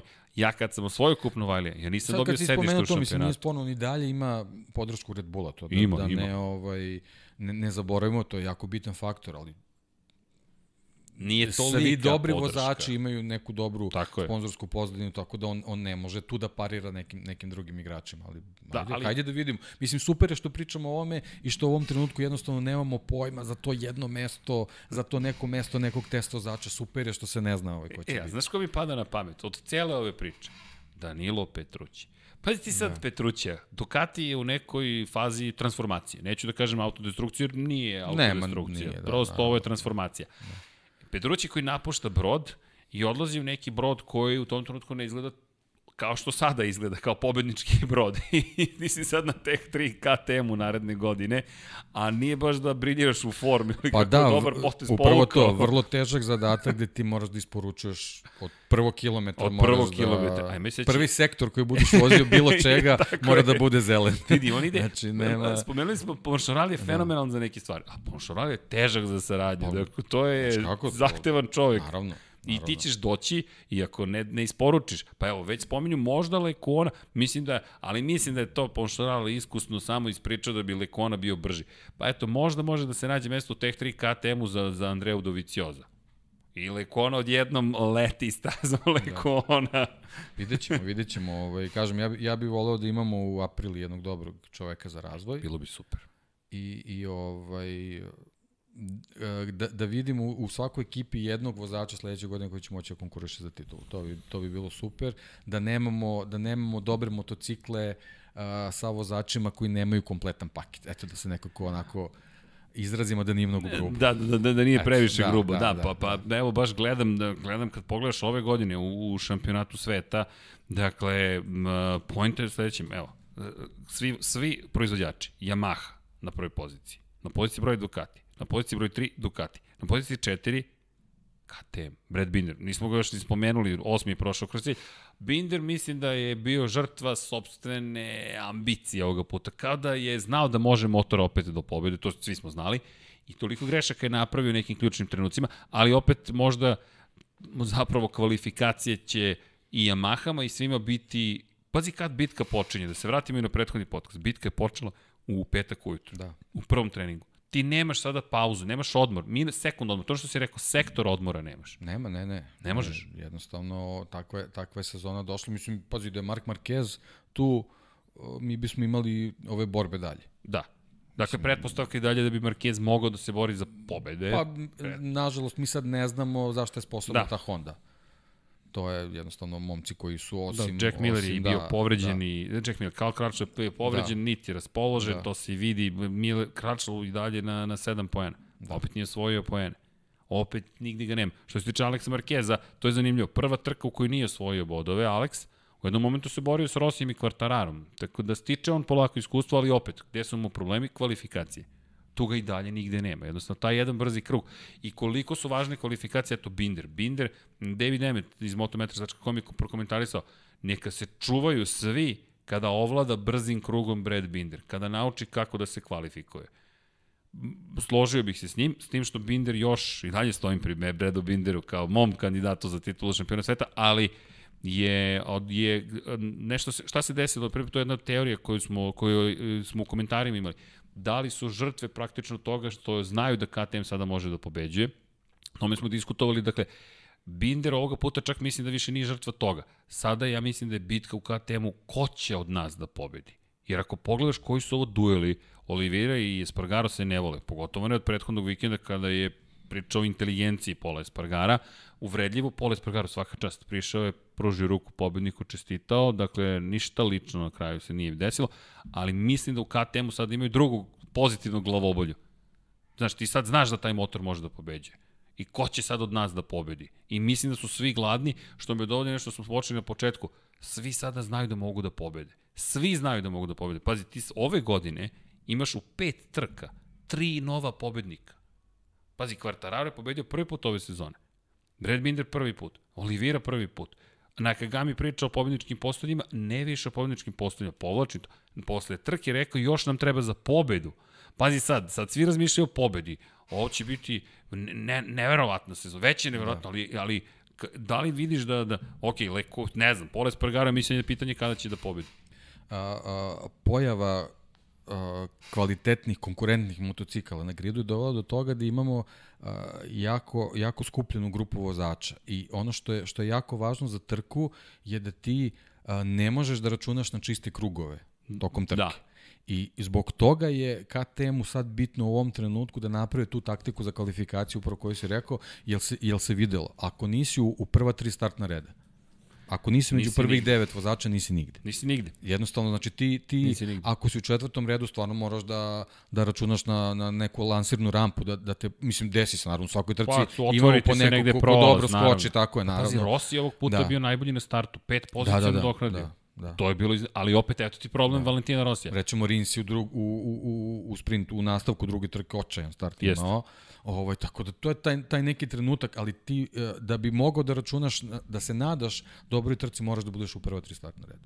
To je to. Je to. A Rossi videli smo, mislim, baš ima velikih problema ovaj, da, da, da se nađe napred. U sve ove probleme Yamahe, njegovo deveto mesto je stvarno Još i dobar rezultat. Još, još i dobar rezultat. Još dobar znači, to rezultat. je sad ako prevedemo na tu startnu poziciju, znači ti si u prva tri startna reda. Da, da ti kažemo, si u prva to tri deve, startna e, reda. Sad zamisli da si na startu imao to deveto koji si imao na, na, u, cilju. Znači, verovatno bi bio još na svoje iskustvo bi uzao još možda koju, Skočiš koju poziciju, pozicije. ali opet pozicije pretvaramo u bodove. U ovakvom šampionatu jedan, dva boda vrlo, vrlo znači. Da bi mogao da, da se priprema za sledeću trku. Kakav šampionat? Odlično, mislim, ne, meni je, meni je ovaj, e, baš drago i iz te perspektive mi je drago što je Mizano sledeća staza, zato što dobijamo još neku malo drugačiju konfiguraciju. Kažem, dosta je sličnija, slična ovaj, Herezu, ali Pa ona je ravna staza, Tako nema, je, nosi, nema uspona da. kao što je ovde. Ovde imamo 67 metara nadmor, se nadmorske visine mi da. penjemo. Od, od, Ma od, i ovo je kreni stani staza i Brno jest. je neka potpuno specifična druga priča. O, gde... I tu imamo uspon da, ozbiljan. Ozbiljan uspon, penješ, da, da, trčali da, da. smo. Ti strči. da, sam trčao, neki su vozili. da, ovaj, tako da ako, ako gledamo iz te perspektive zanimljivosti šampionata, super je ovo što, što je Mizano sledeća. Jeste. Ovo je, sad vidjet ćemo, o, ova pauza je dobro došla svima, Mizano će opet biti ono back to back, to je mislim da, da, da je nekim očigledno to malo prevelik zalogaj, ali kako šampionat odmiče, sve su spremni. To je ono što smo pričali na početku. Znači njima je da. naglo počeo šampionat, neki možda nisu ušli kako treba. Mislim da, da, mislim da je Yamaha tu, tu je ovaj, najviše tu izgubila. Ovaj, sad se vidi, ne, ali, ne mora da znači, ali, ali mislim da, da, da im možda neka testiranja nedostaju. Znaš, Aha. Ovaj, tako da, da sad ova pauza možda može da, da pomogne malo da se konsoliduje. Znaš šta meni? Evo gledam, na primjer, Yamaha. Pričamo o vozačima. Ajmo pričamo i o mehaničarima i inženjerima. Pričamo, ajmo, ajmo da, ajde da se vratimo samo malo nazad. KTM je kupio veliki broj Yamahinih inženjera, i, pa i menadžera. Bukvalno je došao i rekao je, ajmo. To je Honda isto učinila pre 10 godina I sad, normalno je da, da to je, to je priroda posla. To će neko reći, ej, vidim da radiš dobar posao, ovo je moja ponuda. Hoćeš, nećeš. Prošle godine su bili u velikim problemima, bili su veoma zabrinuti jer KTM se nije pomerio kako su očekivali. Ove godine, i to pohvale za KTM, došli su u Valenciji, imali smo, ajde, zadovoljstvo, čast, sreću da, da vidimo taj ram uživo. Ljudi, to je kao da je neko uzo cev ovako jednu, ne, nema više rama, nema trelisa, nema tu, to je ovako cev, I šta je sad ovo? Ovo je neka kombinacija čelik, ali nije twin spara, jeste, a i nije. Kao, veruj mi, kao da si uzao bukvalno ovako cevi, stavio su, tako izgleda RAM. I odjednom dolaze rezultati, odjednom su sad svi srećni koji su prešli iz Yamahe. Pa vidi, uh, oni su uh, filozofiju razvoja performansi uzeli Ducatije. Hondi su uzeli vozača. I motor. Jam, tako je. Yamahi su uzeli ovaj, inženjere, inženjere, inženjere rezultat znak jednakosti tu i vidimo kako to je. Ono što si rekao, iz Formula 1 preneli program razvoja, akademiju. Da, da, to, da to, to se vidi da je, da je to to. Kup, to je, da. imamo kup takmičenje da. koje prati svetsko prvenstvo, onda imamo... Tu je neka knjiga standarda, samo stala na sto. Franšiza. Samo kreneš da, da Izvolite. okrećeš strane i, i slediš ovaj, kao po nekom dobrom receptu i to je to. Ovo morate da ispunite, da. mi ćemo da radimo quality assurance i to je ono što oni rade sjajno, quality control, dakle kontrola kvaliteta, neko to proverava i ako nije dovoljno dobro, seče se odmah i Naravno, moraš da imaš budžet da bi to opet se vraćamo na april. Znači, moraš da imaš adekvatan budžet da bi mogao da, da ispuniš sve što si zamislio. Jednostavno, tehnički je sport. Ne, nema, nema tu nikakvih ali ili ne znam, ovo možda možemo malo da improvizujemo. Ne, ako, ako si odlučio nešto da uradiš, mora da bude maksimum. Mm, fa, fascinantan razvoj, ali mene dovodi na još dve priče. Čak jedna mi se sad otvorila, nisam meni planirao. Yamaha. Yamaha, kako može da dozvoli sebi takav luksus? Ti stalno gubiš nešto i stalno ti malo nedostaje. I evo, sada imaš probleme, ubrzo si motor, ali nedovoljno. Dakle, nisi dobio... Ma, ne možemo da pričamo o tome. To... Šta, šta si dobio? Dakle, nisi dobio motor koji imate 330 odjednom, pa kažeš, žrtvovao sam pouzdanost, kao što se dešavalo. Pa i Mercedesu i Ferrari u, u poteri za brzinom u Formuli 1. Popušta motor, ali smo nešto dobili. Yamaha nije ništa dobila, osim što je postala nepouzdana. Nije to loš motocikl. Da. Nije loš, ali Jerez je anomalija. Neko je napisao, zašto kritikujete Yamahu, setite se Jereza, pobedili su. Jerez je atipična staza. Puna krivina, tehnički zahtevna, pohvalna je za motor koji može u tom trenutku steći. Mislim da su imali sreće što je Rins bio povređen i što Mir nije što je Mir propustio svoje šanse. Mislim da tu Suzuki mogao mnogo toga da postigne, ali dolaziš na stazu brzine, nemaš brzinu, a sad nemaš ni pouzdanost Kako planiraš da osvojiš titul? Ja sad, sad kad se spomenuo Jerez, sad se vraćam, ja sam, ja sam za Jerez vezano za Vinjale se spominjao njegove, njegove greške na kočenju u, u poslednjoj krivini. Yes. Znači, moguće da su oni već tada imali, imali nekih problema, a ti kad pogledaš uspehe uh, kvarterara u Jerezu, on da. je samo 25% Yamahe. Jeste, on je... Znači, 75% nije funkcionisalo kako treba. Mada. Iako tu se Vinjales izvuko nekim Vinjales, dobrim pozicijama je, na kraju trke. Drugi. Ali on je čovek koji je išao na pobede. Znači, on nije išao da bude drugi. Ne, nije išao da bude znači, drugi. To, to uh, iz perspektive bodova možemo kažemo da je dobar rezultat, ali to nije ono što je, što je Maverick I, Vinales očekivao posle odlaska iz Jereza. I setimo se da je u prvoj trci, iako je završena vrlo loše, tragično, gotovo za Marka Markeza, Merkez sve je pretekao s lakoćem i bio na putu da pretekne tog istog Maverika Vinjalesa. Ako govorimo već o da, da, ti si u prenosu tipovo da će, da će do Vinjalesa doći bez problema. Gledali smo razvoj, razvoj vremena po krugovima, to je jednostavno tako, tako je. Nije, nije to izgledalo kao neka nemoguća misija, nego jednostavno to, na papiru to je, je bilo da će tako biti. Samo moram pohvalim da, da nisam, nisam ja tad da. bio, bio sam da. moj dragi Aleksandar Đankić. Da, da, da. Ali je da inače pozdrav za Aleksandra, oporavlja pozdrav, se, da. ima zapolenje pluća, srećom nema COVID. Ne znam kako je da. to uspeo, ali držim ti palče za brzo poravak. Dakle, ono, ono što volimo uvijek da kažemo, šaljamo baš ljubav, jer to, to je najvažnije.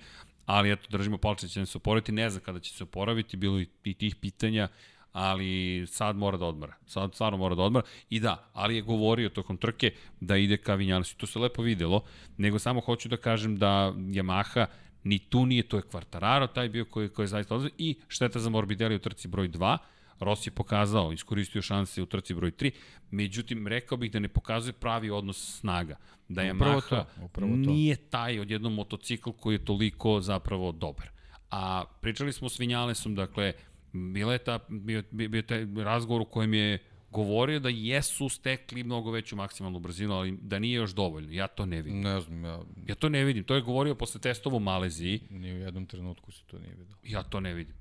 Naprotiv, vidim da su ostali tamo gde su i bili. Ali sada imaju motor koji ne može da skreće. Ako pogledaš sektor 3, ponovo je... Sektor 3 je poražavajući za njih. Ja ne znam kako je Rossi iščupao u, onim, onim treninzima i beše on prvi je, deo kvalifikacije. On je u se... četvrtom sektoru našao da, skoro pola da, sekunde da, u jednom da, momentu. Ja, da. sam, ja sam bio da, zabezeknut. Da, ali to je, to je strašno da ti, ti u jednom sektoru gde si superioran, u stvari samo nadoknađuješ vreme iz sektora gde si katastrofalan to, to mislim sa Yamahom stvarno ne bi smelo da se dešava. Mm, apsolutno ne bi smelo da se dešava.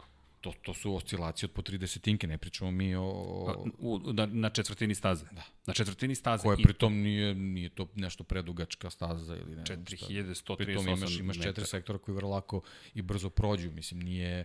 I, izvini, taj treći u kojem imaš šestu, sedmu, osmu. Dakle, Yamaha bi morala tu da dođe do izražaja. Svake godine smo pričali agilni motocikl, agilni motocikl, agilni, pa ako je agilan, dakle šesta, sedma, osma promjena smera kretanja, tu treba da se pokaže ta da, agilnost. To, to, je, to je delovalo uh, sa izdanjem kvartarara u Herezu da je tako. Tako je.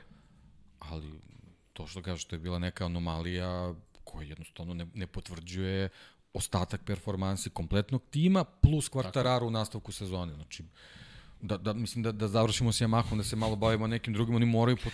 ne, ali znam, vidi. ne znam kako da iskoriste ovu pauzu, ali, ali... jednostavno uh, uh, sve što se izastavalo sa, sa pogonskim jedinicama je stvarno za brigu. Ne, ne pričamo mi sad da bismo ih kritikovali, ne znam šta, nego jednostavno šta im se sve izdešavalo, ja ne znam o čemu samo ne moraju da razmišljaju. Znači, sve na tom motociklu pa, otkazuje ajde, šta, i mora da su savršeni. Šta raditi? Vidi, ajmo da krenemo od kočnica prvo. To ne može da ti se da, Znači, dobra je stvar što dolazi iz staza gde su bili dobri prošle sezone, znači da, da ne idemo dalje. Ali vidi, bili su treći na Red Bull ringu prošle godine. Staza im ne odgovara, ali da. su bili treći i četvrti. Dakle, Rossi je prošao četvrti kroz cilj prošle godine na Red Bull ringu. Pa da. dobro, ali znaš kako, tu sad imaš moment da ti se pojavlja KTM, A to sam, pojavljuju ti se privatni to, to Ducati. To da ti kažem. Znaš, ne, veći broj ljudi koji su tu da kažu čekaj, e, hoću ja da budem treći. E, a, znaš. a, a to baš ti mi dao šlagvord za nešto što, što bukvalno mi je to rečenica. Dakle, to, ali dobro, to je. ali, ali to ti je sledeće. Yamaha je rekla mi možemo za titul. Ne, KTM ima isti broj pobjeda kao Yamaha. Dakle, nije, ništa tu više nije otvoreno. Ducati ima jednu pobedu, Honda nema ni jednu, Suzuki mislim da je pitanje trenutka kada će je zabeležiti. Da. I onda je sve Dobra je stvar, otvoreno. Suzuki ima dva vozača koji mogu da pobede. Da. Ducati ima dva vozača koji mogu da pobede. Doviciozo Miller.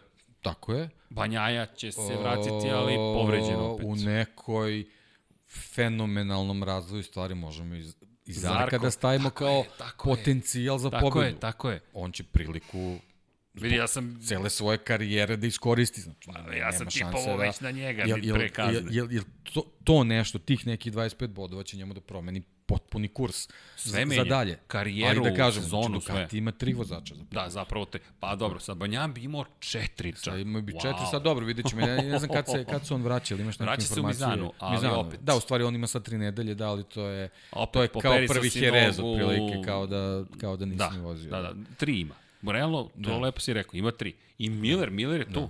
Miller je, na, jer Miller, nemojmo zaboraviti, Miller se povredio. Dakle, to nismo spomenuli, ali Miller je istegao Jeste, ligamente jeste, desne jeste, ruke, da. lakta desne da. ruke. I uopšte mu nije bilo lako da vozi. Ali to je Jack Miller. Ma, ok, da. idemo, vozi, sedi, Da, vozi. pa mislim, ovaj, kako bih rekao, povrede se dešavaju, ali on je, on je pokazao da, evo sad, ovde na ovom Red Bullu, ne verujem da tu ima nekih posledica da Znači, on je sad već mogu da zabeleži pobjedu. Pazi, on Bez je, on je problema. jedna, jedan vozač ga je pobedio. Dakle, Da, ako da se vratimo, da, da se vratimo. KTM je pokazao da ima vozača za pobedu, trojicu.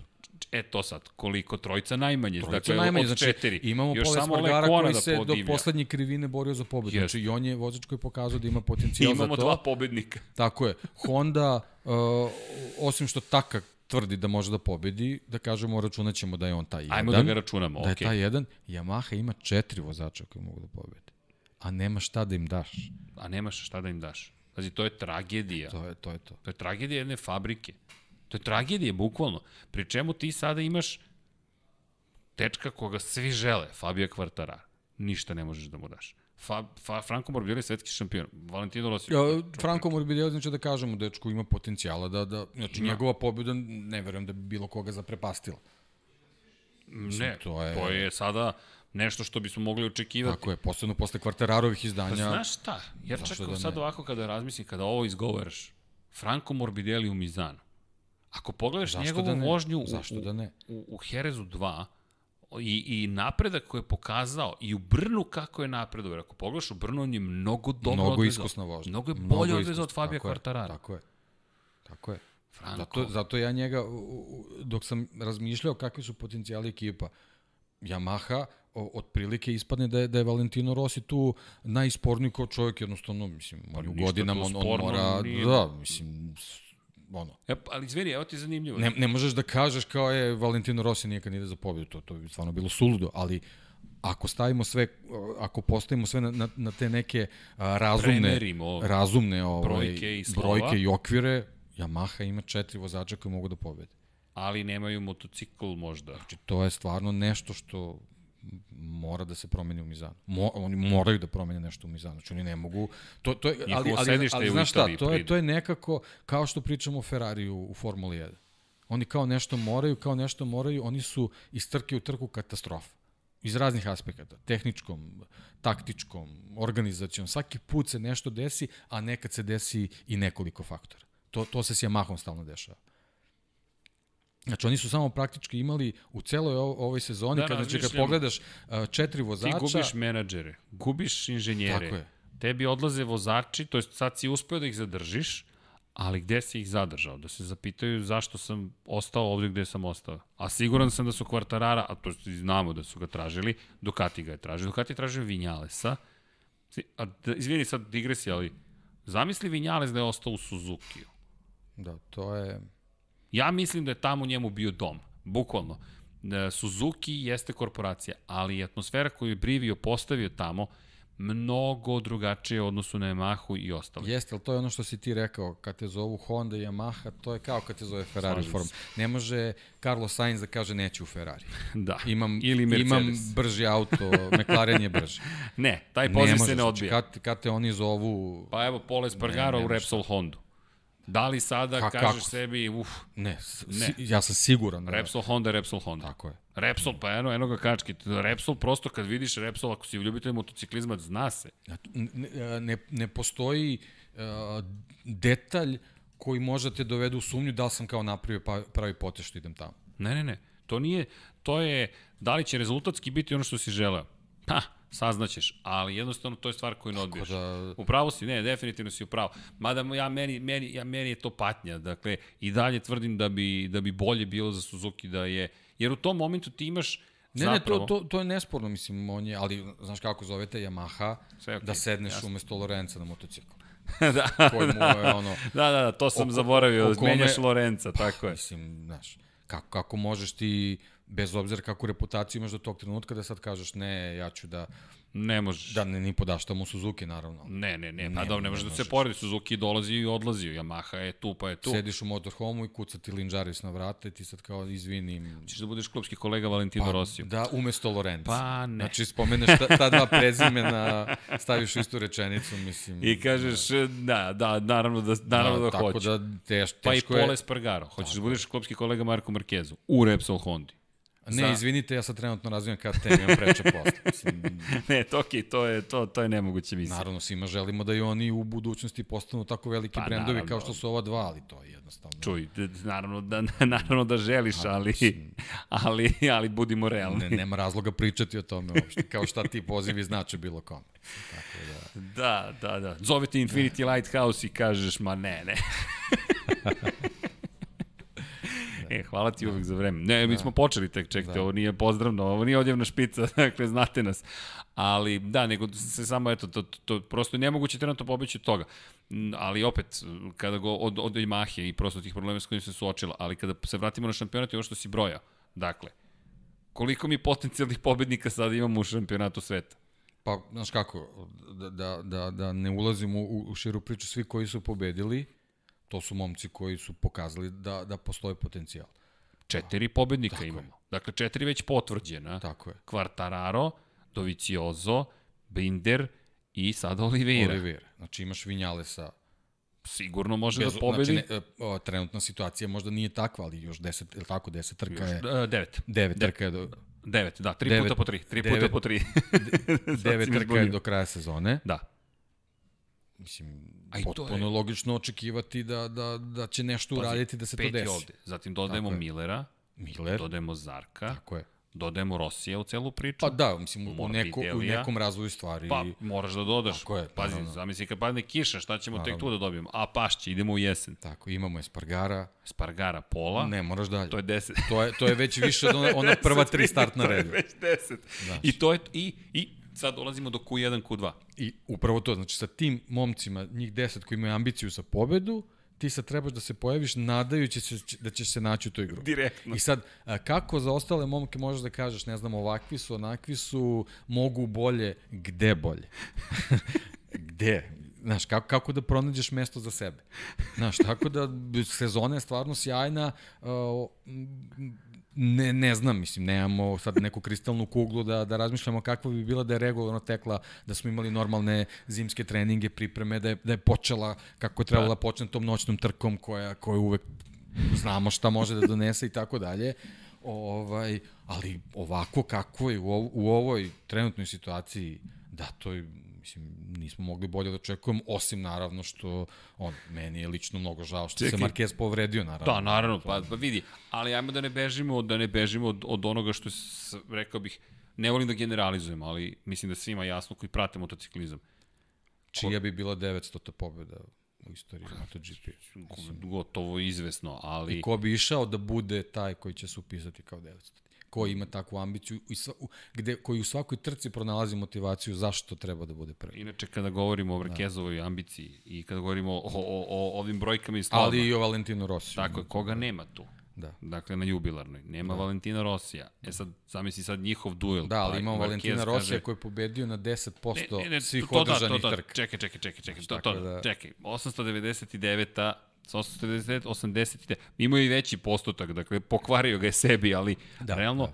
10% svih trka koje su održane U u istoriji. kraljevskoj klasi ikada su pripale Valentinu Rosiju. Kada pogledaš toj papir, ako gledaš i kažeš o čemu mi ovde trenutno pričamo. Inače, na poziciji broj 2 sad je Giacomo Agostini sa 68, a onda Mark Marquez 56, pa Mick Duan 54 i Jorge Lorenzo 47. Znači, u trenutnoj situaciji kako je zadesila Marka Markeza, on oz, ozbiljno će morati da radi da dostigne Giacomo pre svega. Giacoma, a kamoli Valentina. Na, to su to je ono o čemu Koji smo... je takođe imao tešku povredu. Jeste. I to je ono o čemu smo pričali, opet vraćam se na, na, na, na, i pr, na početak sezone i na sve što smo pričali prošle godine. Moram ti priznati, sam imao jeziv, on, ali na, na jedan ružan način, m, već viđeno moment. I ponavljao sam to, ljudi tako su svi pričali za Rosija, ne zaustavljiv, ma to će sad samo da padaju titule, pobede, ma nikoga nikad neće zaustaviti. Život tako ne funkcioniše, sport je deo života, ne funkcioniše. To što radi Mark Marquez, pa u krajnjem slučaju Mercedes i Lewis Hamilton u Formule je neverovatno teško. Morate da budete, to je, da, imali smo Zorana Živko u broju 24 u Lab 76, pogledajte divne priče o svemu i svačemu smo pričali, ali i pojenta u tome koliko si savršen, vidi se tek kada te ili nema ili kad posrneš.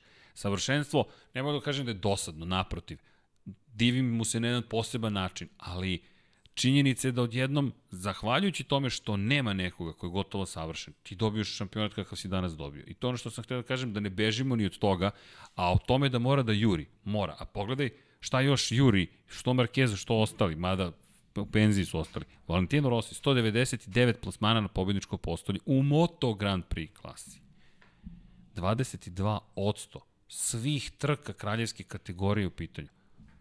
Ne, ne, Da, gotovo četvrtina. četvrtina svih trka i Valentino Rossi stavio na pobedničkom postolju. Meni to deluje kao da je neko pogrešio u ovo. To je, ako su uopšte ono, krenu neku priču kakva je on veličina i šta on znači za, za popularnost MotoGP-a, samo treba pokazati taj papir i svaka priča pa, prestaje. E, izvini, to, je... to si savršeno rekao. Drugar koji navija za Marka Markeza, koji je, koji je negde dosta kritičan prema Rosiju bio u poslednjih nekoliko godina mi rekao posle trke u Herezu, kada su prikazali broj pobedničkih postolja i ko je na spisku na poziciji broj 2, inače Jorge Lorenzo je drugi sa 114 pobedničkih postolja, Dani Pedrosa treći sa 112, četvrti Mark Marquez sa 95, koliko ih ima i Duan, sreo sam ga i kaže, e, znaš šta, kada sam ono video, ok, ne, nema više tog nekakvog navijačkog ostrašćenog momenta prema Rosiju prosto kada ti vidiš imena koje su iza njega, koliko iza njega,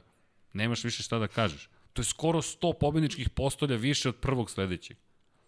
Mene to ne A inače u penziji su i Lorenzo, i Pedrosa, i Duan. Da. Jedini koji nije u penziji je Marquez. Da, to je sad ono, uđeš u diskusiju u smislu da je ranije godine bilo je mnogo manje trka, ali vidiš tu su i Lorenzo i Pedrosa, znači ta neka generacija vozača koje, koji su imali ovaj priliku da, da takođe imaju još veći broj, ovaj, a oni zaostaju tipa četiri sezone za njim. Kad, kad pogledaš, oni zaostaju četiri, četiri godine. sezone, da, i onda četiri vidiš koliko godine, taj čovjek da. u stvari traje. Da. I, i, i zašto je, zašto je važan, važan da bude tu. Da, da. Mislim, tako da svaki njegov rezultat, svaka njegova završena trka u bodovima je fenomenalna stvar. Pritom on je čovjek koji dalje, ne, vidiš, posebno ova godina pokazala, on i dalje ima želju da, da razvije taj motocikl. Da, da razmišlja na, na svoj način. Tako je, da, ali da, takmičarski. Tako je, tako znači, je. ne samo na, ne, na neke druge ovaj, da, sfere da se fokusira kao što ima što smo i pričali, da, da sad opet ne, ne pričamo puno o njemu, ali jednostavno on, on je našao ponovo takmičarski motiv u petoj deceniji to je, to je stvarno stvar ovaj, za poštovanje i da Dorna i kompletna ta ekipa bude mnogo srećni i zadovoljni što je odlučio da i sledeće sezone bude tu. Vidi, sad kad pomeniš petu deciju, pa evo mi smo u petoj deceniji krenuli. I vrlo dobro znamo, da, ja, dobro, ja, ja sam još malo tu, ja, da, da ne ulazimo sad u to priču. Čekaj, koje si ti godište? Pa ja ne, sam ne, 71. ja sam. Ne, a ne, ček ti sad ti, da, da. čekaj, ovo, pa da, izvini, ovo je sad na vlaku što ti sa šesto da, polako. Ja sam, znaš, tako da... Čekaj, naš, super izgledaš, stani, pa, daj, otkri mi tajnu, pa če, Vanja, da. reci, pa čekaj. Pratite automotosport, sve vreme. Bićete uz njih, bit ćete da, super. Da, da, da. da. Jel, ne sad da. stvarno, svaka da. čast. Ne, ja sam se ubiđen da smo ti ja tu godište zapravo možda jedna pet godina. Da, Skoro, Respekt. skoro koliko ovi momci zostaju za Rosima sa podijumima. to je, viš koliko je to, koja je to razlika. razlika. Da, da. Ne, ne, Tako da, da, eto, kažem, mislim, ono, ovaj, treba mu odati priznanje i, i, i da mu svi budemo zahvalni što i dalje tu. Ja sam zahvalan, da. to, to često ponavljam, iako me Viktor Savić da. isprozivao da, da, da, da, da, treba da me ogrnu zavesom, da, to je da, zastavom da, da. Marka Markeza. Dobro, ljudi steknu pogrešno, ja znam za koga ti navijaš, neću reći, ali nema veze. Evo, kod ovaj, Deki imate da. informacije da. za koga na da. kilo karamela. Da, da, da, ne, ne, to je mnogo skuplja informacija. Tako ali da, da, ovaj, da kažem, mislim, eto, to je, žao mi je što u ovoj sezoni ovako i kako je, nemamo, nemamo Markeza, ali mislim da ima ali odlične, sezona, odlične trke, ovaj, ne, samo, samo da što manje pa, ovih nesrećnih situacija, pa da. pa da se vratimo na taj Red Bull i te sudije i to, mislim, to je stvarno, da, ne, ne, ovaj, ne treba im to, ne treba u organizaciji, ajmo, u ovom celom usponu, pa, ti detalji ne treba. A, apropo, dakle, negde, pa, ajde prvo, samo apropo Markeza kratko, žao ti je, meni je žao čoveka, Žao mi je, apsolutno, i zato mi je teško da izgovorim koliko je sezona ne, neverovatno zanimljiva, zahvaljujući činjenici da ga zapravo u ovom trenutku nema u duelima. Mogu, mogu da, da uvrćem reči, ali realno time što u ovom trenutku je tron upražnjen, je sve potpuno, svi su gladni, svi su agresivni, Tako da, samo mi je žao koji je povod bio da ne bude na stazi. Dakle, da je rekao penzionišem se, uzeo sam sve titule, pa odjednom se stvorilo vakum neki, Pa, pa, pa, pa pričaš o tome da je čovek prosto u nasledđe ostavio ovakvu sezonu. Ne, vratit će se, ili ja se nadam da će se vratiti u punoj snazi, da to tek vidimo komu je uzeo svi titulu, šta će da, da, da, da, pokuša da. da uradi. I onda dolazimo ono što si rekao. Dakle, pričamo sada o nekom ko je povređen. Povređen je, bilo je diskusije već o dubini tog šljunka na, na stazi Harris. To je nešto na čemu mora da se radi. Karl Kračov se žalio, žalio se Alex Rins, žalio se Miller, žalio su se svi koji su izleteli, rekli su to nas ono što nas povređuje. Ne sam pad, ne samo otklizavanje. Na Red Bull ringu drugi problem imamo. Dakle, nije bio šljunak u pitanju, već specifičnost konfiguracije staze, mesto incidenta, način na koji se desio incident, ali ono što ne sme da se događa ne, ne, ne da je neprihvatljivo, nego je katastrofalno da u treningu u Moto2 klasi, šest dana pošto smo imali onakav incident i u Moto2 kategoriji kada je Hafiz Šarne odletao 70 metara. Deki on je letao 70 metara, meni to i dalje Razmišljam, pričali smo o skijaškim skokovima, ti odletiš 70 pa, sećaš metara. Se, sećaš se kad smo se u Barceloni uh, šalili sa Morbidellijom onim padom, kad sam ja otišao da izmerimo. To je ne, bilo nekih 50 metara. Barca, de, to si ti. Je. Sećaš, to je bilo nekih 50 metara, ti si me jedva video. Jedva sam te video. Jed, ono, na, na telefonu sam bio tačka. Pritom to je bio da, pad ja po šljunku. merili gde je Tako završio čovjek. To je bio pad po šljunku, ovaj čovjek je pao Ne, ali moram, asfalt. izvini, znam, ti da. znam da ti ne voliš toliko digresije, ti si čovjek strukture i lepo imamo Ne, nego zaboravim da sam teo da kažem. Čekaj, Vanja, daj da pišemo. ali meni je to bilo fenomenalno, dakle, Deki ja se nismo videli par godina i prosto nekako stalno smo, tu smo negde, na, ali nikako da se nađemo i sretnemo se u Barceloni i nismo ni znali da će, da, ja nisam da, ja sam znao, ti, ti nisi znao, ja nisam da, znao. Zamolio sam drugare da ne kažu, da. I ovako gledam, Deki, pa de, de, Deki u Barceloni pa, na, pa, prošlo na trci. je 8 godina od poslednjeg MotoGP na kom smo bili zajedno. Da, Mnogo da, da. Po, prošlo je baš. Wow, i to se sećam. Zna, e, znaš da, da. nisam da. znao da. da smo pogodili na tokom prvog podcasta koji smo snimali zajedno, da je bila godišnjica par dana ranije pobedničkog postolja Eto, Marka Simoncelli da, u Brnu. Da, da, da, Još ti ja da. spomenemo te 2011. Da, da, da. Seća se te pa, slike. Pa svega da se seti. A malo manje. Da. Sedih da. smo imali ti i ja i... Malo više kosice. Hvala. da. Pa ja nisam e, ali ovaj slušalice su super, znaš. Da? u, meni, meni sjajno. Savršeno sve baš, pokriju. Baš, da, da. I, I sretnemo se u Barceloni prošle godine. I jedna od Možda u nekom multiversu je to najsavršenija trka koja se ikada desila, ali u ovom u kojem smo trenutno, veruj mi, ja sam kabinu da ne da pojedem, nego da je srušim zajedno sa glavnim tribinama. Dakle, sve smo uspeli, došli smo, tu smo na licu mesta, kreće trka, Marquez je tu, tu je Andrej Dovicioza koji je tu slavio, Jorge Lorenzo, odjednom na Hondi, evo ga u vodećoj grupi, Valentino Rossi, Maverick Vinales. I ti sad gledaš trku i kažeš... Petrući. I Danilo Petrući nije bio toliko no, daleko iza njih. Ducati Još pobedio baš, u da, Muđelu. Da, da, I ti da. kažeš, to je ta trka.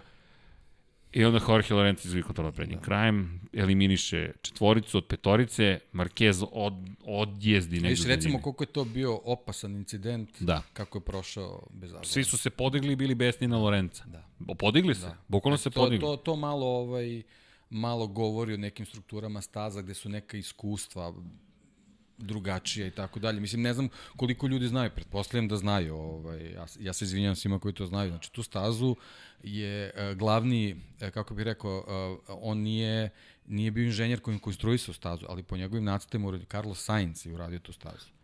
Da, pro, znači, on je čovek koji je dao sve, sve savete kako, kako a, bukvalno svaka krivina treba da izgleda. A, spominjali smo Sainca, baš smo Zoran i Živko i ja pričali da. o Saincu i o tome koliko je moćan zapravo Karlo Sainz u automotosportu. To je ono što senior. Se, senior, senior, senior, senior. Jedan, jedan, moramo sad tako, moramo, da, sad moramo. tako, da, da. Dvostruki šampion sveta u reliju, ali nije samo to, on je politička figura. To je stalno ponavljam ljudima, ljudi, to nije samo bivši vozač, on je i u tom vremenu, vraćam se na ono čuveno njegovu sezonu sa Colinom McRaeom. Znači pričamo 90. 91. kad je ta staza dobila neki konačan je olimpijski, To je olimpijski da, period, dakle, je. Samaran da. koji vodi, Juan Antonio Samaran koji vodi, dakle, pa, Međunarodni olimpijski komitet. Cela staza je bila kampanja za 92. Sa, olimpijadu u Barceloni, mislim, tako sve, sve to stoji.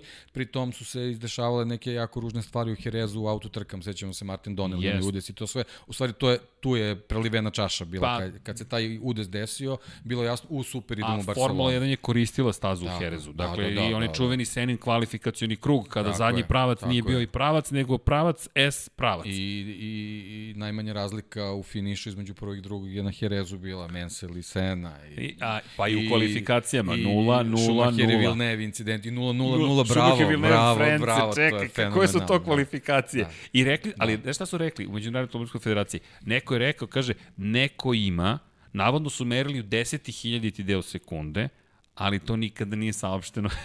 Tako da. da neko zna ko je bio najbrži tog dana. Da, dobro, Znam da. ko zna. Da. Znamo ga ko zna. Da, da. Zove se Berni. Da, ali da. činjenica da. je da Da, da, da, da, kada govorimo o toj stazi, dakle, i o tom incidentu, uh, dakle, da, svi su se podali srećem i spora krivina, ali, da. još jedna bitna, bitna napomena, mada tu je ta krivina je promenjena par godina ranije, yes. posle incidenta. Znači, to su neke stvari, Tako je, u oči, ne samo ta, uh, dosta krivina je u Barceloni. Stižu nam ovde i gosti i gošće, dakle, i, da, i neko je pitao da li može tribine da se postavi. Ljudi, nemamo još prostora da. za tribine, ali bit će, pa ako hoćete, postavit ćemo tribine, pa ako je vama zabavno, nama još zabavnije, nama se zabavno, izvini. Da. I... Ne, ne, o, hoću samo da kažem, ta staza u Barceloni je baš dobar primer kako je tokom godina modifikovana, iako je već u startu bila prilično bezbedna. Mislim, naravno, niko ne Tako može, kad nešto krene uh, da, da se pravi kad, kad uđe u funkciju, dok se, dok se fizički stvarno ne koristi, ti ne možeš da znaš da li je to sve funkcionalno onako kako treba da bude. Ali ta staza, tamo niko nima problem da to modifikuje e, prema potrebama i određenih šampionata da bi bilo bezbedno. Da, inače ta staza ima više konfiguracija. Tako je. To je, je multifunkcionalni sportski objekat, bukvalno. E, to je ono recimo da se vratimo Red Bullu što je potrebno. Znači možda oni imaju samo na jedan kraći krug, Ali to, naravno, to, to, je, to, sad... to je smešan krug za bilo, za bilo koji svetski šampion. Znači, Jest. na njima je da malo nauči svega ovoga šta se, iz, šta, šta se pa izdešavalo. Je, izvini, ovaj, to je ovaj, nasledđe. Ta staza da. nije tako izgledala. To je bila dugačka da, staza. Ona je 1969. Da. 8. ušla da. u šampiona. Ali uvek, uvek imala neke probleme. Ne znam, verovatno se sećaš onog gude sa Andreje de Cezari. Sa, pa, znači, oni izletom koliko imali, puta su ponavljali oni su imali neke trke. kanale za odvode. Jest. To je baš i onako, ovaj, e, postali su neki sporni detalji koji koji nažalost, mislim, stalno se ponavljaju, ali daleko od toga da staza nije atraktivna, mislim, za gledanje, naravno. Vidi, samo, pogledaš samo koje mora... trke smo dobili, da. pa to je... Sad, uh, ude su treći krivini, ovaj, to je nešto što stvarno, to, to će se dešavati, Nažalost, ali ove stvari, da ali ove stvari sa, sa padovima gde, gde redarska služba ne upozorava da, e, da ostale da, vozače, to je... Nisam ni stigao digresiju da završim, znaš. Da. digresija da je CSI Barsa. da. Dakle, Crime da. Scene Investigation. Dakle, da, ajmo da završimo samo ovaj deo, pa, da, pa ću se vratiti na to je sad nova, nova priča. Ali da, dakle, samo za oni koji nisu pratili, u Moto2 trci, to je treningu, imamo pad Alejandra Medine pada. Ironija je da je njegov motocikl, isti onaj motocikl, zapravo isti, da je to motocikl Hafiza Šarina koji lete od tih 70 da. metara. On Isto menja povređenog mesto. Šarina. Isto mesto, on pada, kao što je pao Enea Bastianini, i beži da kako bi izbegao incident, srećom ga svi izbegavaju, motor ostaje posred staze. I sada, nije trenutak u kojem se samo dešava da nema crvenih zastava, nego redari istrčavaju, kao, Zoran Živ... kao 70. godine, mene to se sećaš, podsjetilo na, na to. Živkov je da, pričao u, da. u prethodnom Lab 76 baš o tome. O Južnoafričkoj republici i pogibiji gde je redar Da, istrčao Tom Price nesrećni, Tom da. Price. Po, poginuo je vozač. Ne, I vozač, Vozač i jedan je i drugi su poginuli. Tako je, vozač je poginuo tako što ga je vatrogasni aparat ubio Tako je koji je nosio Tako je, zapravo taj redar. nesrećnik, tako je. Tako je, i sad ti imaš situaciju u kojoj ovaj čovjek pregažen, Formula 1 ga je pregazila, Da. u, u kacigu udara vatrogasni aparat i on nastavlja I još formula, kilometar da, sa, sa, koja- sa nogom ovaj, na gasu, na gasu, nastavlja i udara. udara u ogradu tamo dalje. Da. I, i, i to, Da. to je strava i užas. To, ali to je 78. Jeste, ali imali smo mi, mislim da je Kanada bila ispred Batona, su istra, istrčavali redari, i saplitali se, padali. I Mislim, se sećaš kad I ih zato sam ja za to, o, sad opet digresija. velika. Ovaj, pričali smo, ovaj, možda sam baš i sa tobom pričao. Formula 1 je velika organizacija, mnogo veća od, od MotoGP. Mnogo je veća, jeste. Je, mnogo se više novca zarađuje. Zašto na 20 trka ne možeš da imaš Ok je da imaš deo redarske službe koji su volonteri, pošto to je bazirano na tome i to je Jeste, mnogo na lepa stvar. Mi smo imali tako pogibije tih redara zato što nisu Kanadi bili isto. u Kanadi, u Australiji. U Australiji, tako je. Sad da, da, da se ne vraćamo mnogo mnogo unazad, u Monci smo imali. Jeste. Ovaj, znači, e, mnogo tih e, ljudi koji, koji su tu iz svog entu- entuzijazma i ljubavi prema tom sportu su Izgubili život. izgubili život zbog svog neiskustva. Zašto ta Formula 1 koja se meri milijardama u zaradi ne može da obezbedi jednu Permanentnu službu, redarsku službu. permanentnu redarsku službu koja će ići Po na- jedan tako je. redar na svakom. Upravo to, znači ne, ne mora svih pet. Bravo, divna znači, ideja. jedan mora da bude koji će da bude dirigent svima. Senior. A pokazalo se da je mnogo bitnije da to bude u MotoGP-u. Um, ovo je bilo, ovo je bilo Znači strašno. ti imaš, da kažemo, 15 krivina po, po Pa maksimalno. Imaš 18 stazi. baš ako 18. neku stazu znači, nađeš Možeš kompleksnu. da priuštiš 20 dodatnih ljudi u karavanu koji će da budu ozbiljno istrenirani, I da vrhunski profesionalci da budu tu. Klinika Mobile. Klinika Mobile, uh, apropo i Markeza, nije na nivou Sida Watkinsa Ne. koji je bio u Formuli 1. Ne, nije. znači, Sid Watkins je 87. godine. Nelson Piquet imao gotovo identičan udes kao Ayrton Senna u Tamburelu. Sid Watkins je Nelsonu Piquetu zabranio da vozi trku u Imoli iako se borio za titulu te godine. Nelson Piquet koji je u tom trenutku bio dvostruki I nije svetski bilo šampion. pitanja. Nikako, znači Sid Watkins neće da potpiše. Žao mi je. Nema priče, znači pričamo o nečemu što je bilo 87. godine. Znači ti 2020. ako vozač Ajmo da, ajmo, ajmo da se pa vratimo može, na Markeza. može Mark, upravo Ti to, puštaš on može Markeza da toliko izađe. ambiciju da ima koliko god hoće. I to mu služi na čast. Ali ti kao lekar treba da, Da, kažeš... ne, ne, sa njegove strane sve okej. možeš. Ti kao lekar, ti moraš da kažeš, moraš da imaš pravo Sida Watkinsa. I to smo pričali, a pazi sada i to. Dosta se priča o drugom i trećem lekaru, tre, drugom, trećem mišljenju i o tome da zapravo druga operacija nije obavljena kako treba, gde je sada čovek kojeg toliko hvale i konstantno hvale i možda imao jednu nedovoljno dobru operaciju ili lošu operaciju. da. To ne znamo. Da. Dakle, onda dođeš do toga da ti... Ne, to su sad sve neke stvari koje vreme će pokazati ovaj, kako se ovo sad sve razvije. Da. Ovaj, ali, ali ali nas hoću da kažem, na- znači, na- to su službe, redare. to su službe, znači MotoGP je sad došao do nekog takmičarskog nivoa gde, gde je stvarno perjanica uh, I ima- auto motosporta. Znači svi, svi Formulu 1 i, i, i MotoGP stavljaju znak jednakosti između. A, a To se nikad novac koji se dešavalo. okreće mnogo, mnogo manje. Puta 10. Bukvalno Pa puta ne, evo 10. pričali smo, znači budžet, budžet eh, KTM je 40 miliona, znači 400 miliona je siguran budžet, a, a, a znamo da ide prelazi. i preko a znamo pola da prelazi, milijarde vodeći, vodeći za vodeće tri tima. 1, Tako je. I ti sad, izvini, imaš najveću kao anomaliju Repsol Hondu, koja navodno ide od 80 maksimalno do 100, negde oko 80 miliona se priča godišnje i to se smatra astronomskim pri budžetom. Tom, pri tom da, uh, jako važan detalj, nije abnorma, abnormalna razlika između MotoGP motocikla i bolide Formule 1 u ceni. Ne, nije. Ne, ne, to je par To, miliona to da ljudi evra. znaju, tako je. Dakle, par miliona i kod jednog Znači, i kod drugog. Pa Formula ide na nekih 5,5-6. To je to. Recimo, to Ovo je na to. 2, 2,5. Na 2, 2, znači motocikl, MotoGP je ljudi košta 2,5 Formula miliona 1. evra. D- Čisto se da se razumemo, Maverick Vinales kada mu je motocikl završio u zidu, to je jedno milion je otišao sigurno. Pa, da, da pričamo o Zarkovom motociklu i o Morbideliju. Ne. Da li da pričamo uopšte o ne, njima? ne, ne, ne, to je to. Je. Zarkov, dobro, u stvari oba nisu, oni su ipak neke prošlogodišnje, možda Zarkov- možda su malo jeftiniji, Da. ali ljudi, to, to uopšte nisu male cifre, Ne, ne, ali ne. to, to uopšte ne čini tu razliku u je. budžetima. Uopšte ne čine ti, pogledaš- ti, ti, ta, ta, ta vozila. Tako je. Formula 1 i dalje je to najveći cirkus na Tako je. svetu. Ubedljivo. I tu vidi Williams koji je trenutno najsiromašniji prodat, inače, Dakle, dobro, to je tek tema za sebe, da. ali doćemo drugi put. Pa dobri, da. Concord sporazum, to ste vjerojatno pričali da, da se... Pazi, kad smo samo ovlaš Eto, pričali, smo, toliko bar smo smo mirni, pričali. sledeći pet godina imamo te ekipe tu Tako je, i, i, to je to. to je to. I sad je, sad je na njima da eto probaju da bar na način kao i Williams da probaju nešto da da urade da da da da dobijemo malo veću konkurenciju. Da. Ali dobro, sad smo na temi da, bezbednosti ali da dobro, da ne ulazimo ali, van. pa, ne, I ne samo bezbednosti, već sledeće stvari. Ti si sada šampionat broj 1 po pitanju onoga što, što, što pružaš na stazi. Budimo realni. Koliko god je savršenstvo Mercedesa pa i Luisa Hamiltona na jedan način koji smo ispomenjali zanimljivo. Kada pogledaš ove duele koje imamo, pa meni, meni stvarno jednom Tako trenutku je. gotovo nije bilo dobro kada u, u Znači, prenosu evo, ove evo divne da, da pobede. se svedemo na ovih 10 momaka što smo pričali. Znači ti imaš 10, zamisli da imaš u formuli, zamisli, da, da, Nismo bez na stavili Kagami. na Kagami. Znači zamisli u Formuli 1 da pričamo 10 ljudi koji se bore za Pa titulu. to, pa to, to bi bilo najgledanije. ne, da, da budemo realni, to nikad nije Četiri bilo. možeš. Nikad nije Tri bilo. Znači, a, 82. je sezona gde najviše ljudi konkurisalo da titula, to su nesrećni događaji su uticali na ali to. dobro. Znači, pogibije Vilneva, teška povreda Pironija, pa se tu, mislim, te godine Ali Keke Rosberg sa jednom pobedom, sa jednom Jeste, s pobedom je bio šampion. Samo, ali, ali, ali, ali, ajmo da se vratimo na 2012. Sedam trka, sedam pobednika. Dakle, Da, Formula 1 je da. to ne tako davno mogla da nam Mogla, pruži. mogla, da, Ok, gume da, da, su da. bile najodgovornije, Ne, bez obzira. 2014. je tako je, tu je sve, Svi smo tu jednostavno kad nešto radiš i odlučuješ o velikim promenama, moraš malo se konsultuješ. Ne, ne možeš da O, budeš... nije ispalo kako treba. Da, znači, A- ne možeš egocentrično da razmišljaš o tim A, nekim a stvarima. upravo ovde jedno od pitanja bilo, to je za Formula 1, da li treba da ide ovim putem koji ide MotoGP.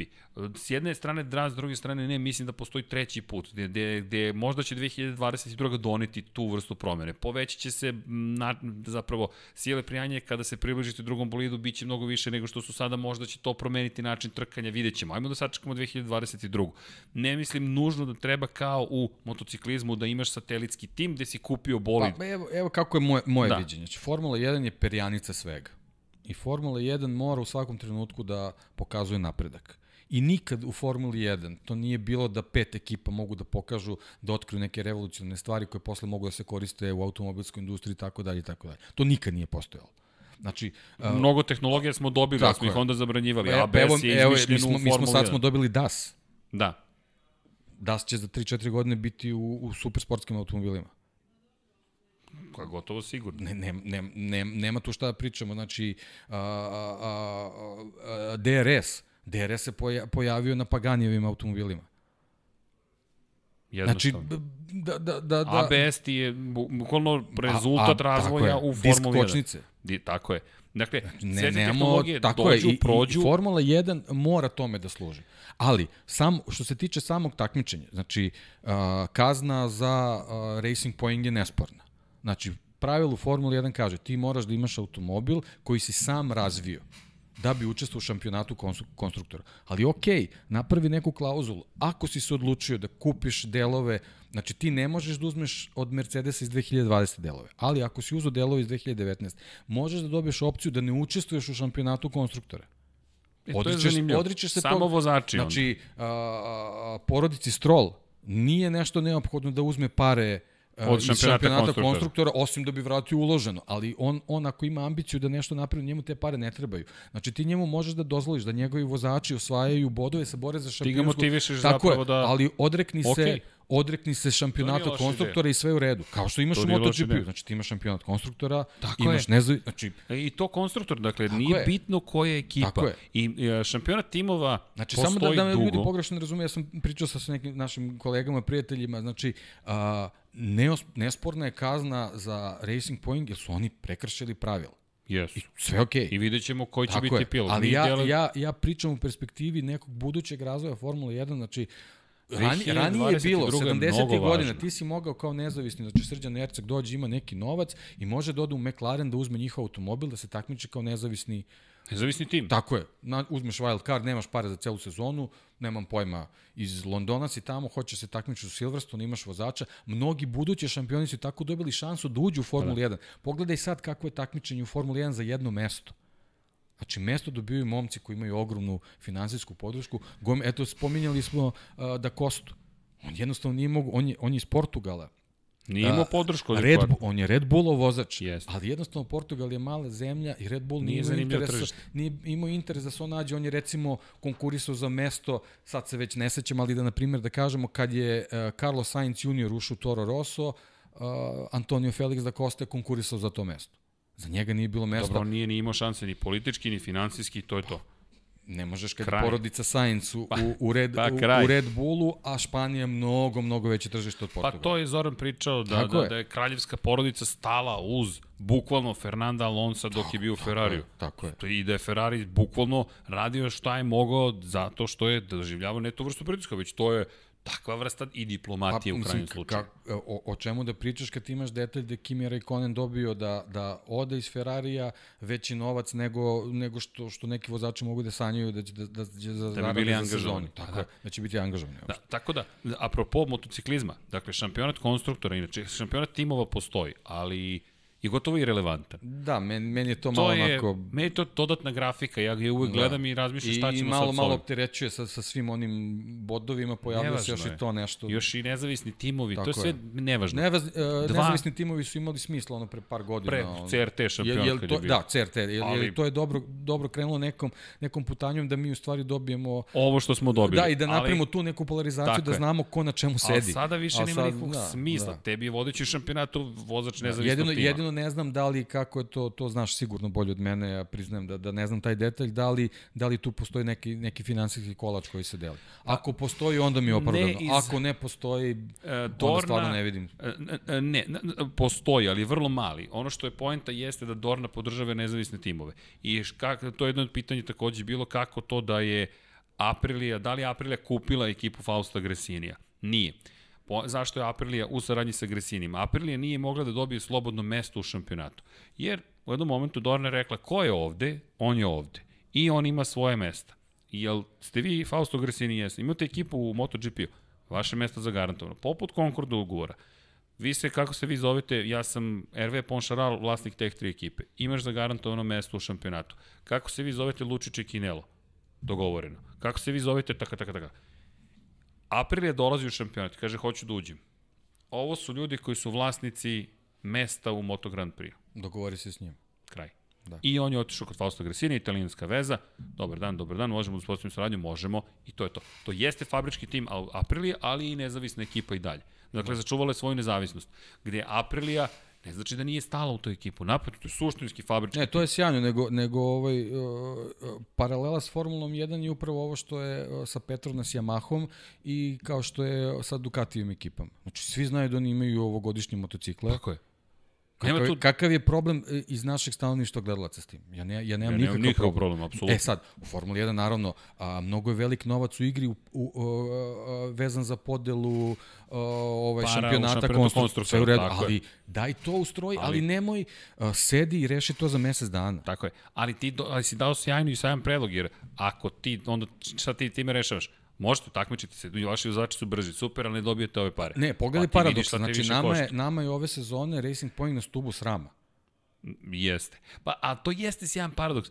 Dakle, to je sjajna priča. Racing Point, stup srama, Petronas, ah, slava im, fantastično.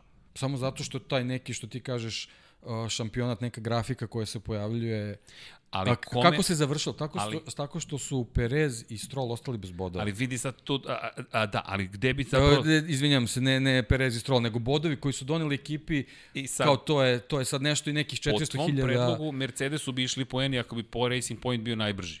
Pa može i tako, mislim. Ne, ne, Mislim, vidi. Ne, ne, ne, meni, mislim- meni taj, kako bih rekao, taj šampionat e, konstruktora, sad me neko pogrešno ne prije, stvarno mnogo dugo pratim Formulu 1, ali o, a, svi, a, javnost je usmerena na a, šampione sveta u vozačkoj konkurenciji. Vidi, da li, da li, da li znaš 1981. ko je bio šampion u svetu konstruktora?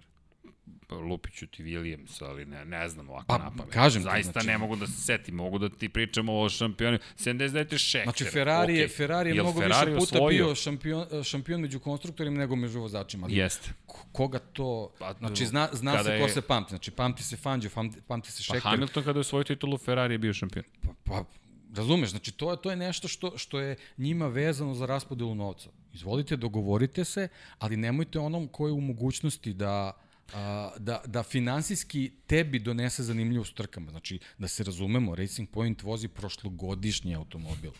I dalje brz.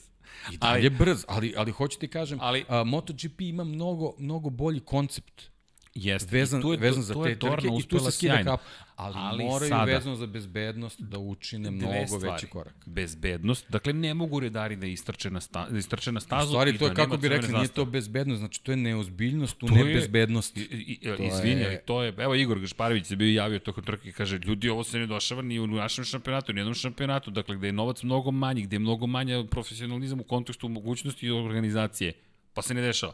Ali ovde se dešava, imaš pet ljudi koji ti stoje na stazi u sred svetskog prvenstva u Moto2 kategoriju u treningu. Ja sam samo, samo u trenutku to je to. pomislio, zamisle se ovo desilo kad je Bastianini pao. Pa, kad- Ma, ma, ma, ma, ja ne znam, ja ne, ne, mene je Znači, strah. i, iza njega se grozd vozača pojavio, Da.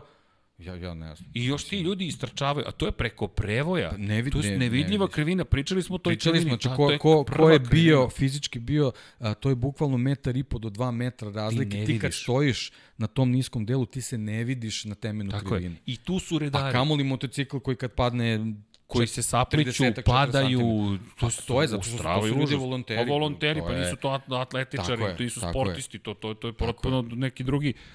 I to se to se do sad nije dešavalo u, u, u, toj meri dešavalo. na, na, na, na mo- mototrkama, u automobilizmu jeste, ali, ali, uh, zato moraju... Pa, ne, 2020. je, to- pa to ne je, pričamo to o, o začecima nekim.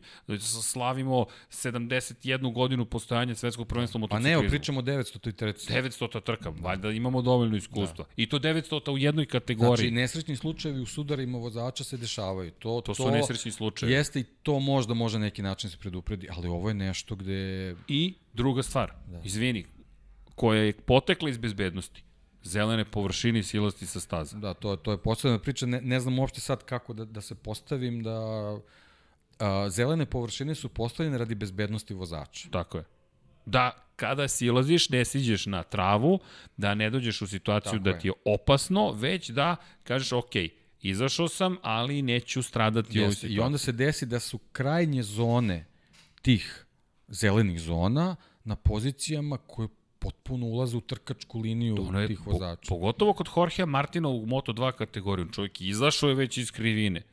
Dakle, izašao iz krivine i pri čemu je i Marko Beceki zadnjim točkom zakačio zelenu površinu. Da, ja Ali- nije se najbolje videlo u onom kadru, ali meni se čini Posle. da je. Jer jednostavno priroda njegove putanje, jer on ide za On Martinom, ide za Martinom. nemoguće je da nije. Ali znaš šta je objašnjenje kasnije? Da moraš, da bi bio kažnjen, moraš u isto vreme sa oba točka da budeš Znači, na došli, smo, površini. ne, došli smo do zaključka u objašnjenjima je u stvari najveći problem. Pa, i- Zato, se, zato si Suzuki I u bunio. tumačenju. Tako je, Suzuki se Kako zbog tumačimo? toga bunio. Sad malo ću ja ovako, malo ćeš ti onako. Znaš, kao i... šta znači da, da to nije uticalo na njegovu poziciju? Znači, samo je stvar tumač. E, Tako je. E, to su neke stvari koje moraju malo eksplicitnije da bude, da budu i to će biti nešto što će podići nivo MotoGP-a. Znači, vezano za, za bezbednost, Ovo su mora, autogolovi. mora neki profesionalizam. Ovo su autogolovi. Znači, super je vidio sam da se tu, tu se pojavljuje ovaj Capirosi, a, Jeste Franco pojavljuje Uncini. se Uncini, koji je Ozbiljno, šampion svetski. ne samo to, on je imao Limone. udes, A, Da, Dutch TT, da, čuveni. Tako je, znači da podsjetimo ljude, on je pao na sličan način kao Bastianini, krenuo je da beži na travu, ali u tom trenutku Wayne Gardner je morao da skrene sa staze da ne bi udario motocikla. Njega nije video zato što on izgubio korak i bio je jako nisko i zbog celog spleta okolnosti njega je Gardner točkom udario u glavu. Pregazio ga preko Pregazio. glave. Znači njemu je kaciga spala, čovjek je bio u komi i tako To je dalje, stravičan tako dalje. udes, nažalost, podsjetio je na neke Tako koje je, smo videli. ti, ti ove, živ je. ove godine, tako je, živi zdrav, je. sve super, ti ove godine u komisiji imaš čoveka koji, kako, kako da nazovemo to iskustvo? Znači, Ne mo, moraš životno. Da, ti imaš Fredija Spencera sad. Imaš Fast Freddy. Da, inače fa, Fre... Ja, da, Hoćeš da, ti? da, da, Hoćeš da, ti da, ili da. ja? Evo ja ću. Da. Dakle, da, uh, Lapsus, Wayne lapsus, Gardner i da, Freddy Sme... da. Zapravo, krenuli smo od priče o Waynu Gardneru. Sećam se da smo posle komentarisali, i baš, smo, baš si ti hteo da, da, da, da. ispričaš ovu priču o Tako je, incidentu je. iz Holandije. To mi je bilo u glavi, da. To je bilo u glavi. I onda smo spomenuli Wayne Gardnera kao čoveka koji je sa 500 silazio na 250 kubika. Nikada Da, nije Wayne ne, Gardner ne, vozio ne taj 250 momak, kubika. da. Ali smo obojca znali, Ali njegov pričamo Freddy Spencer. da. Freddy, Fast Freddy je jedinstvena ličnost. Čovek je jedini u istoriji. U istoj sezoni osvojio titule u 500 i 250 kubika. Giacomo Agostini i mnogi drugi su osvajali 500 i 350, tako je, tako ali u tako 500 i 250 samo Freddy Spencer. I to je bila toliko teška sezona za Bila njega. je teška sezona, jer Tako 500 su tad bile Čujte, mnogo 500 zahtevne. dvotakne, da, 500 da, da, da. I baš jedan od komentara gledalaca, hvala, pozdrav Da. svima, je bio taj da se sećaju, da se neko seća, izvinite sad, i mi toliko Ne, toga inače pokušamo. komentari su sjajni, ovaj, ja stvarno se svima fenomenalna ekipa. zahvaljujem. Ovaj, Uh, I mnogo mi je drago pre svega da tvoj podcast toliko ljudi i prati i sluša i komentariše. Srećni smo, tako da, stvarno eto, smo da. srećni. Mislim, ono, radimo generalno popularizaciji tog automotosporta, Da. tako da Vidi, ovo je nemojte naš da nam podcast, uzmete za ozbiljno kad da. se desi tako neka greška, ovaj, sve, sve što pričamo u najboljoj nameri, ali eto, jednostavno, Čuj, ljudi smo... godine su tu. Čekaj, da uvijek daš više vanju, neću da pitam koliko trajimo, već Nećemo, 2 i da, 15 je da. tu negde. Da, da, mogli to je već da. standard, da, ovaj, ali I parking ističe. moramo drugu zonu, Da, treću da, da. zonu da nabavimo.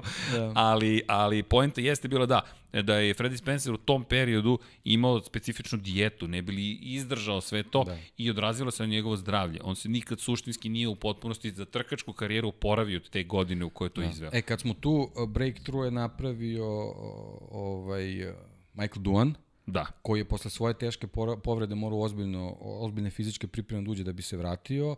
Ovaj, on je prvi motociklista koji je radio na ergonomiji srca, zato što su došli do zaključka da sa umorom dolazi do pada koncentracije. I on je, on je taj koji je napravio neku, neku promenu u odnosu na vozače pre, pre sebe i on je zbog toga bio superioran. E, mene je fasciniralo... Apropo početka ove sezone kad smo pričali o, o fizičkoj pripremi vozača i zašto su se možda te povrede dešavale. Duan, Duan, ja nis, iskreno nisam znao. Zaista nisam znao koli, kakve su bile njegove fizičke pripreme.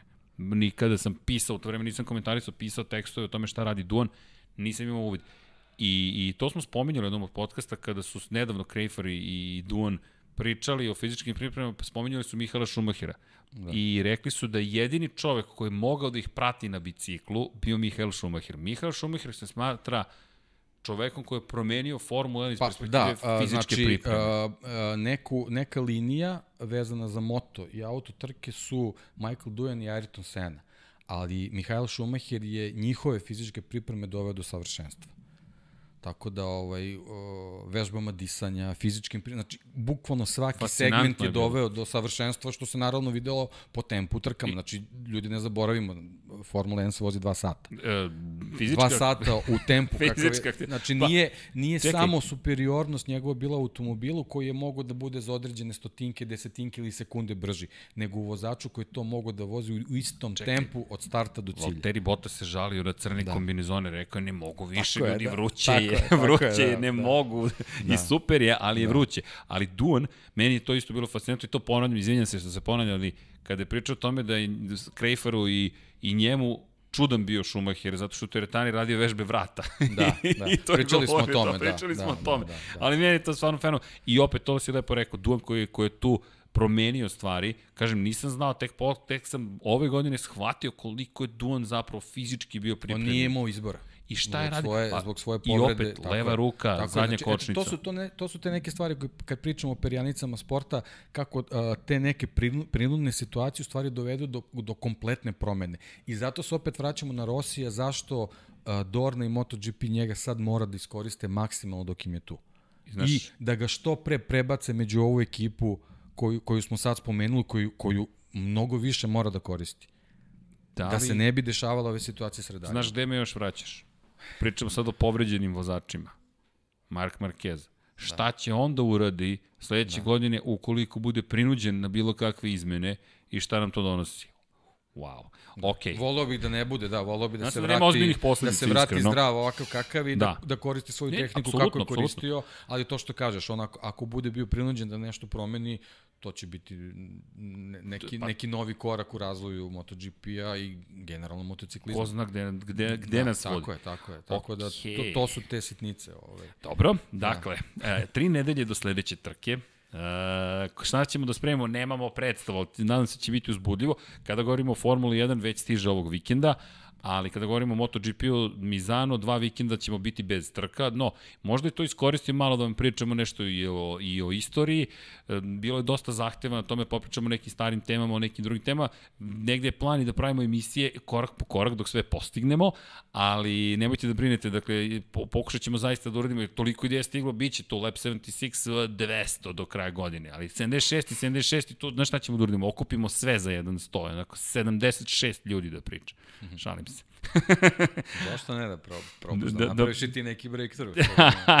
Može. Da. U svakom slučaju, Deki, hvala ti kao Hvala tebi što si me pozvao ponovno. Ma ne, vidi, to je sad već, ja, ja bih rekao, podrazumeva se već nekako, ali kada je reč o onome što smo videli, Miguel Oliveira je pobedio na velikoj nagradi Štajerske, kakva ludnica. Ne, Aj, sjajno je, sjajno je zato što da, upravo to, to sam htio da kažem, ovo je samo početak, ko zna ko nas sve čeka i ja, ja jedva čekam sledeću trku upravo iz tog razloga. Vidi, trnjamo ruke, šaljemo veliki pozdrav, ovo je bio Lab 76 broj 25 i naravno, deki, nadam se da se vidimo vrlo, vrlo brzo ponovo. Ćao svima.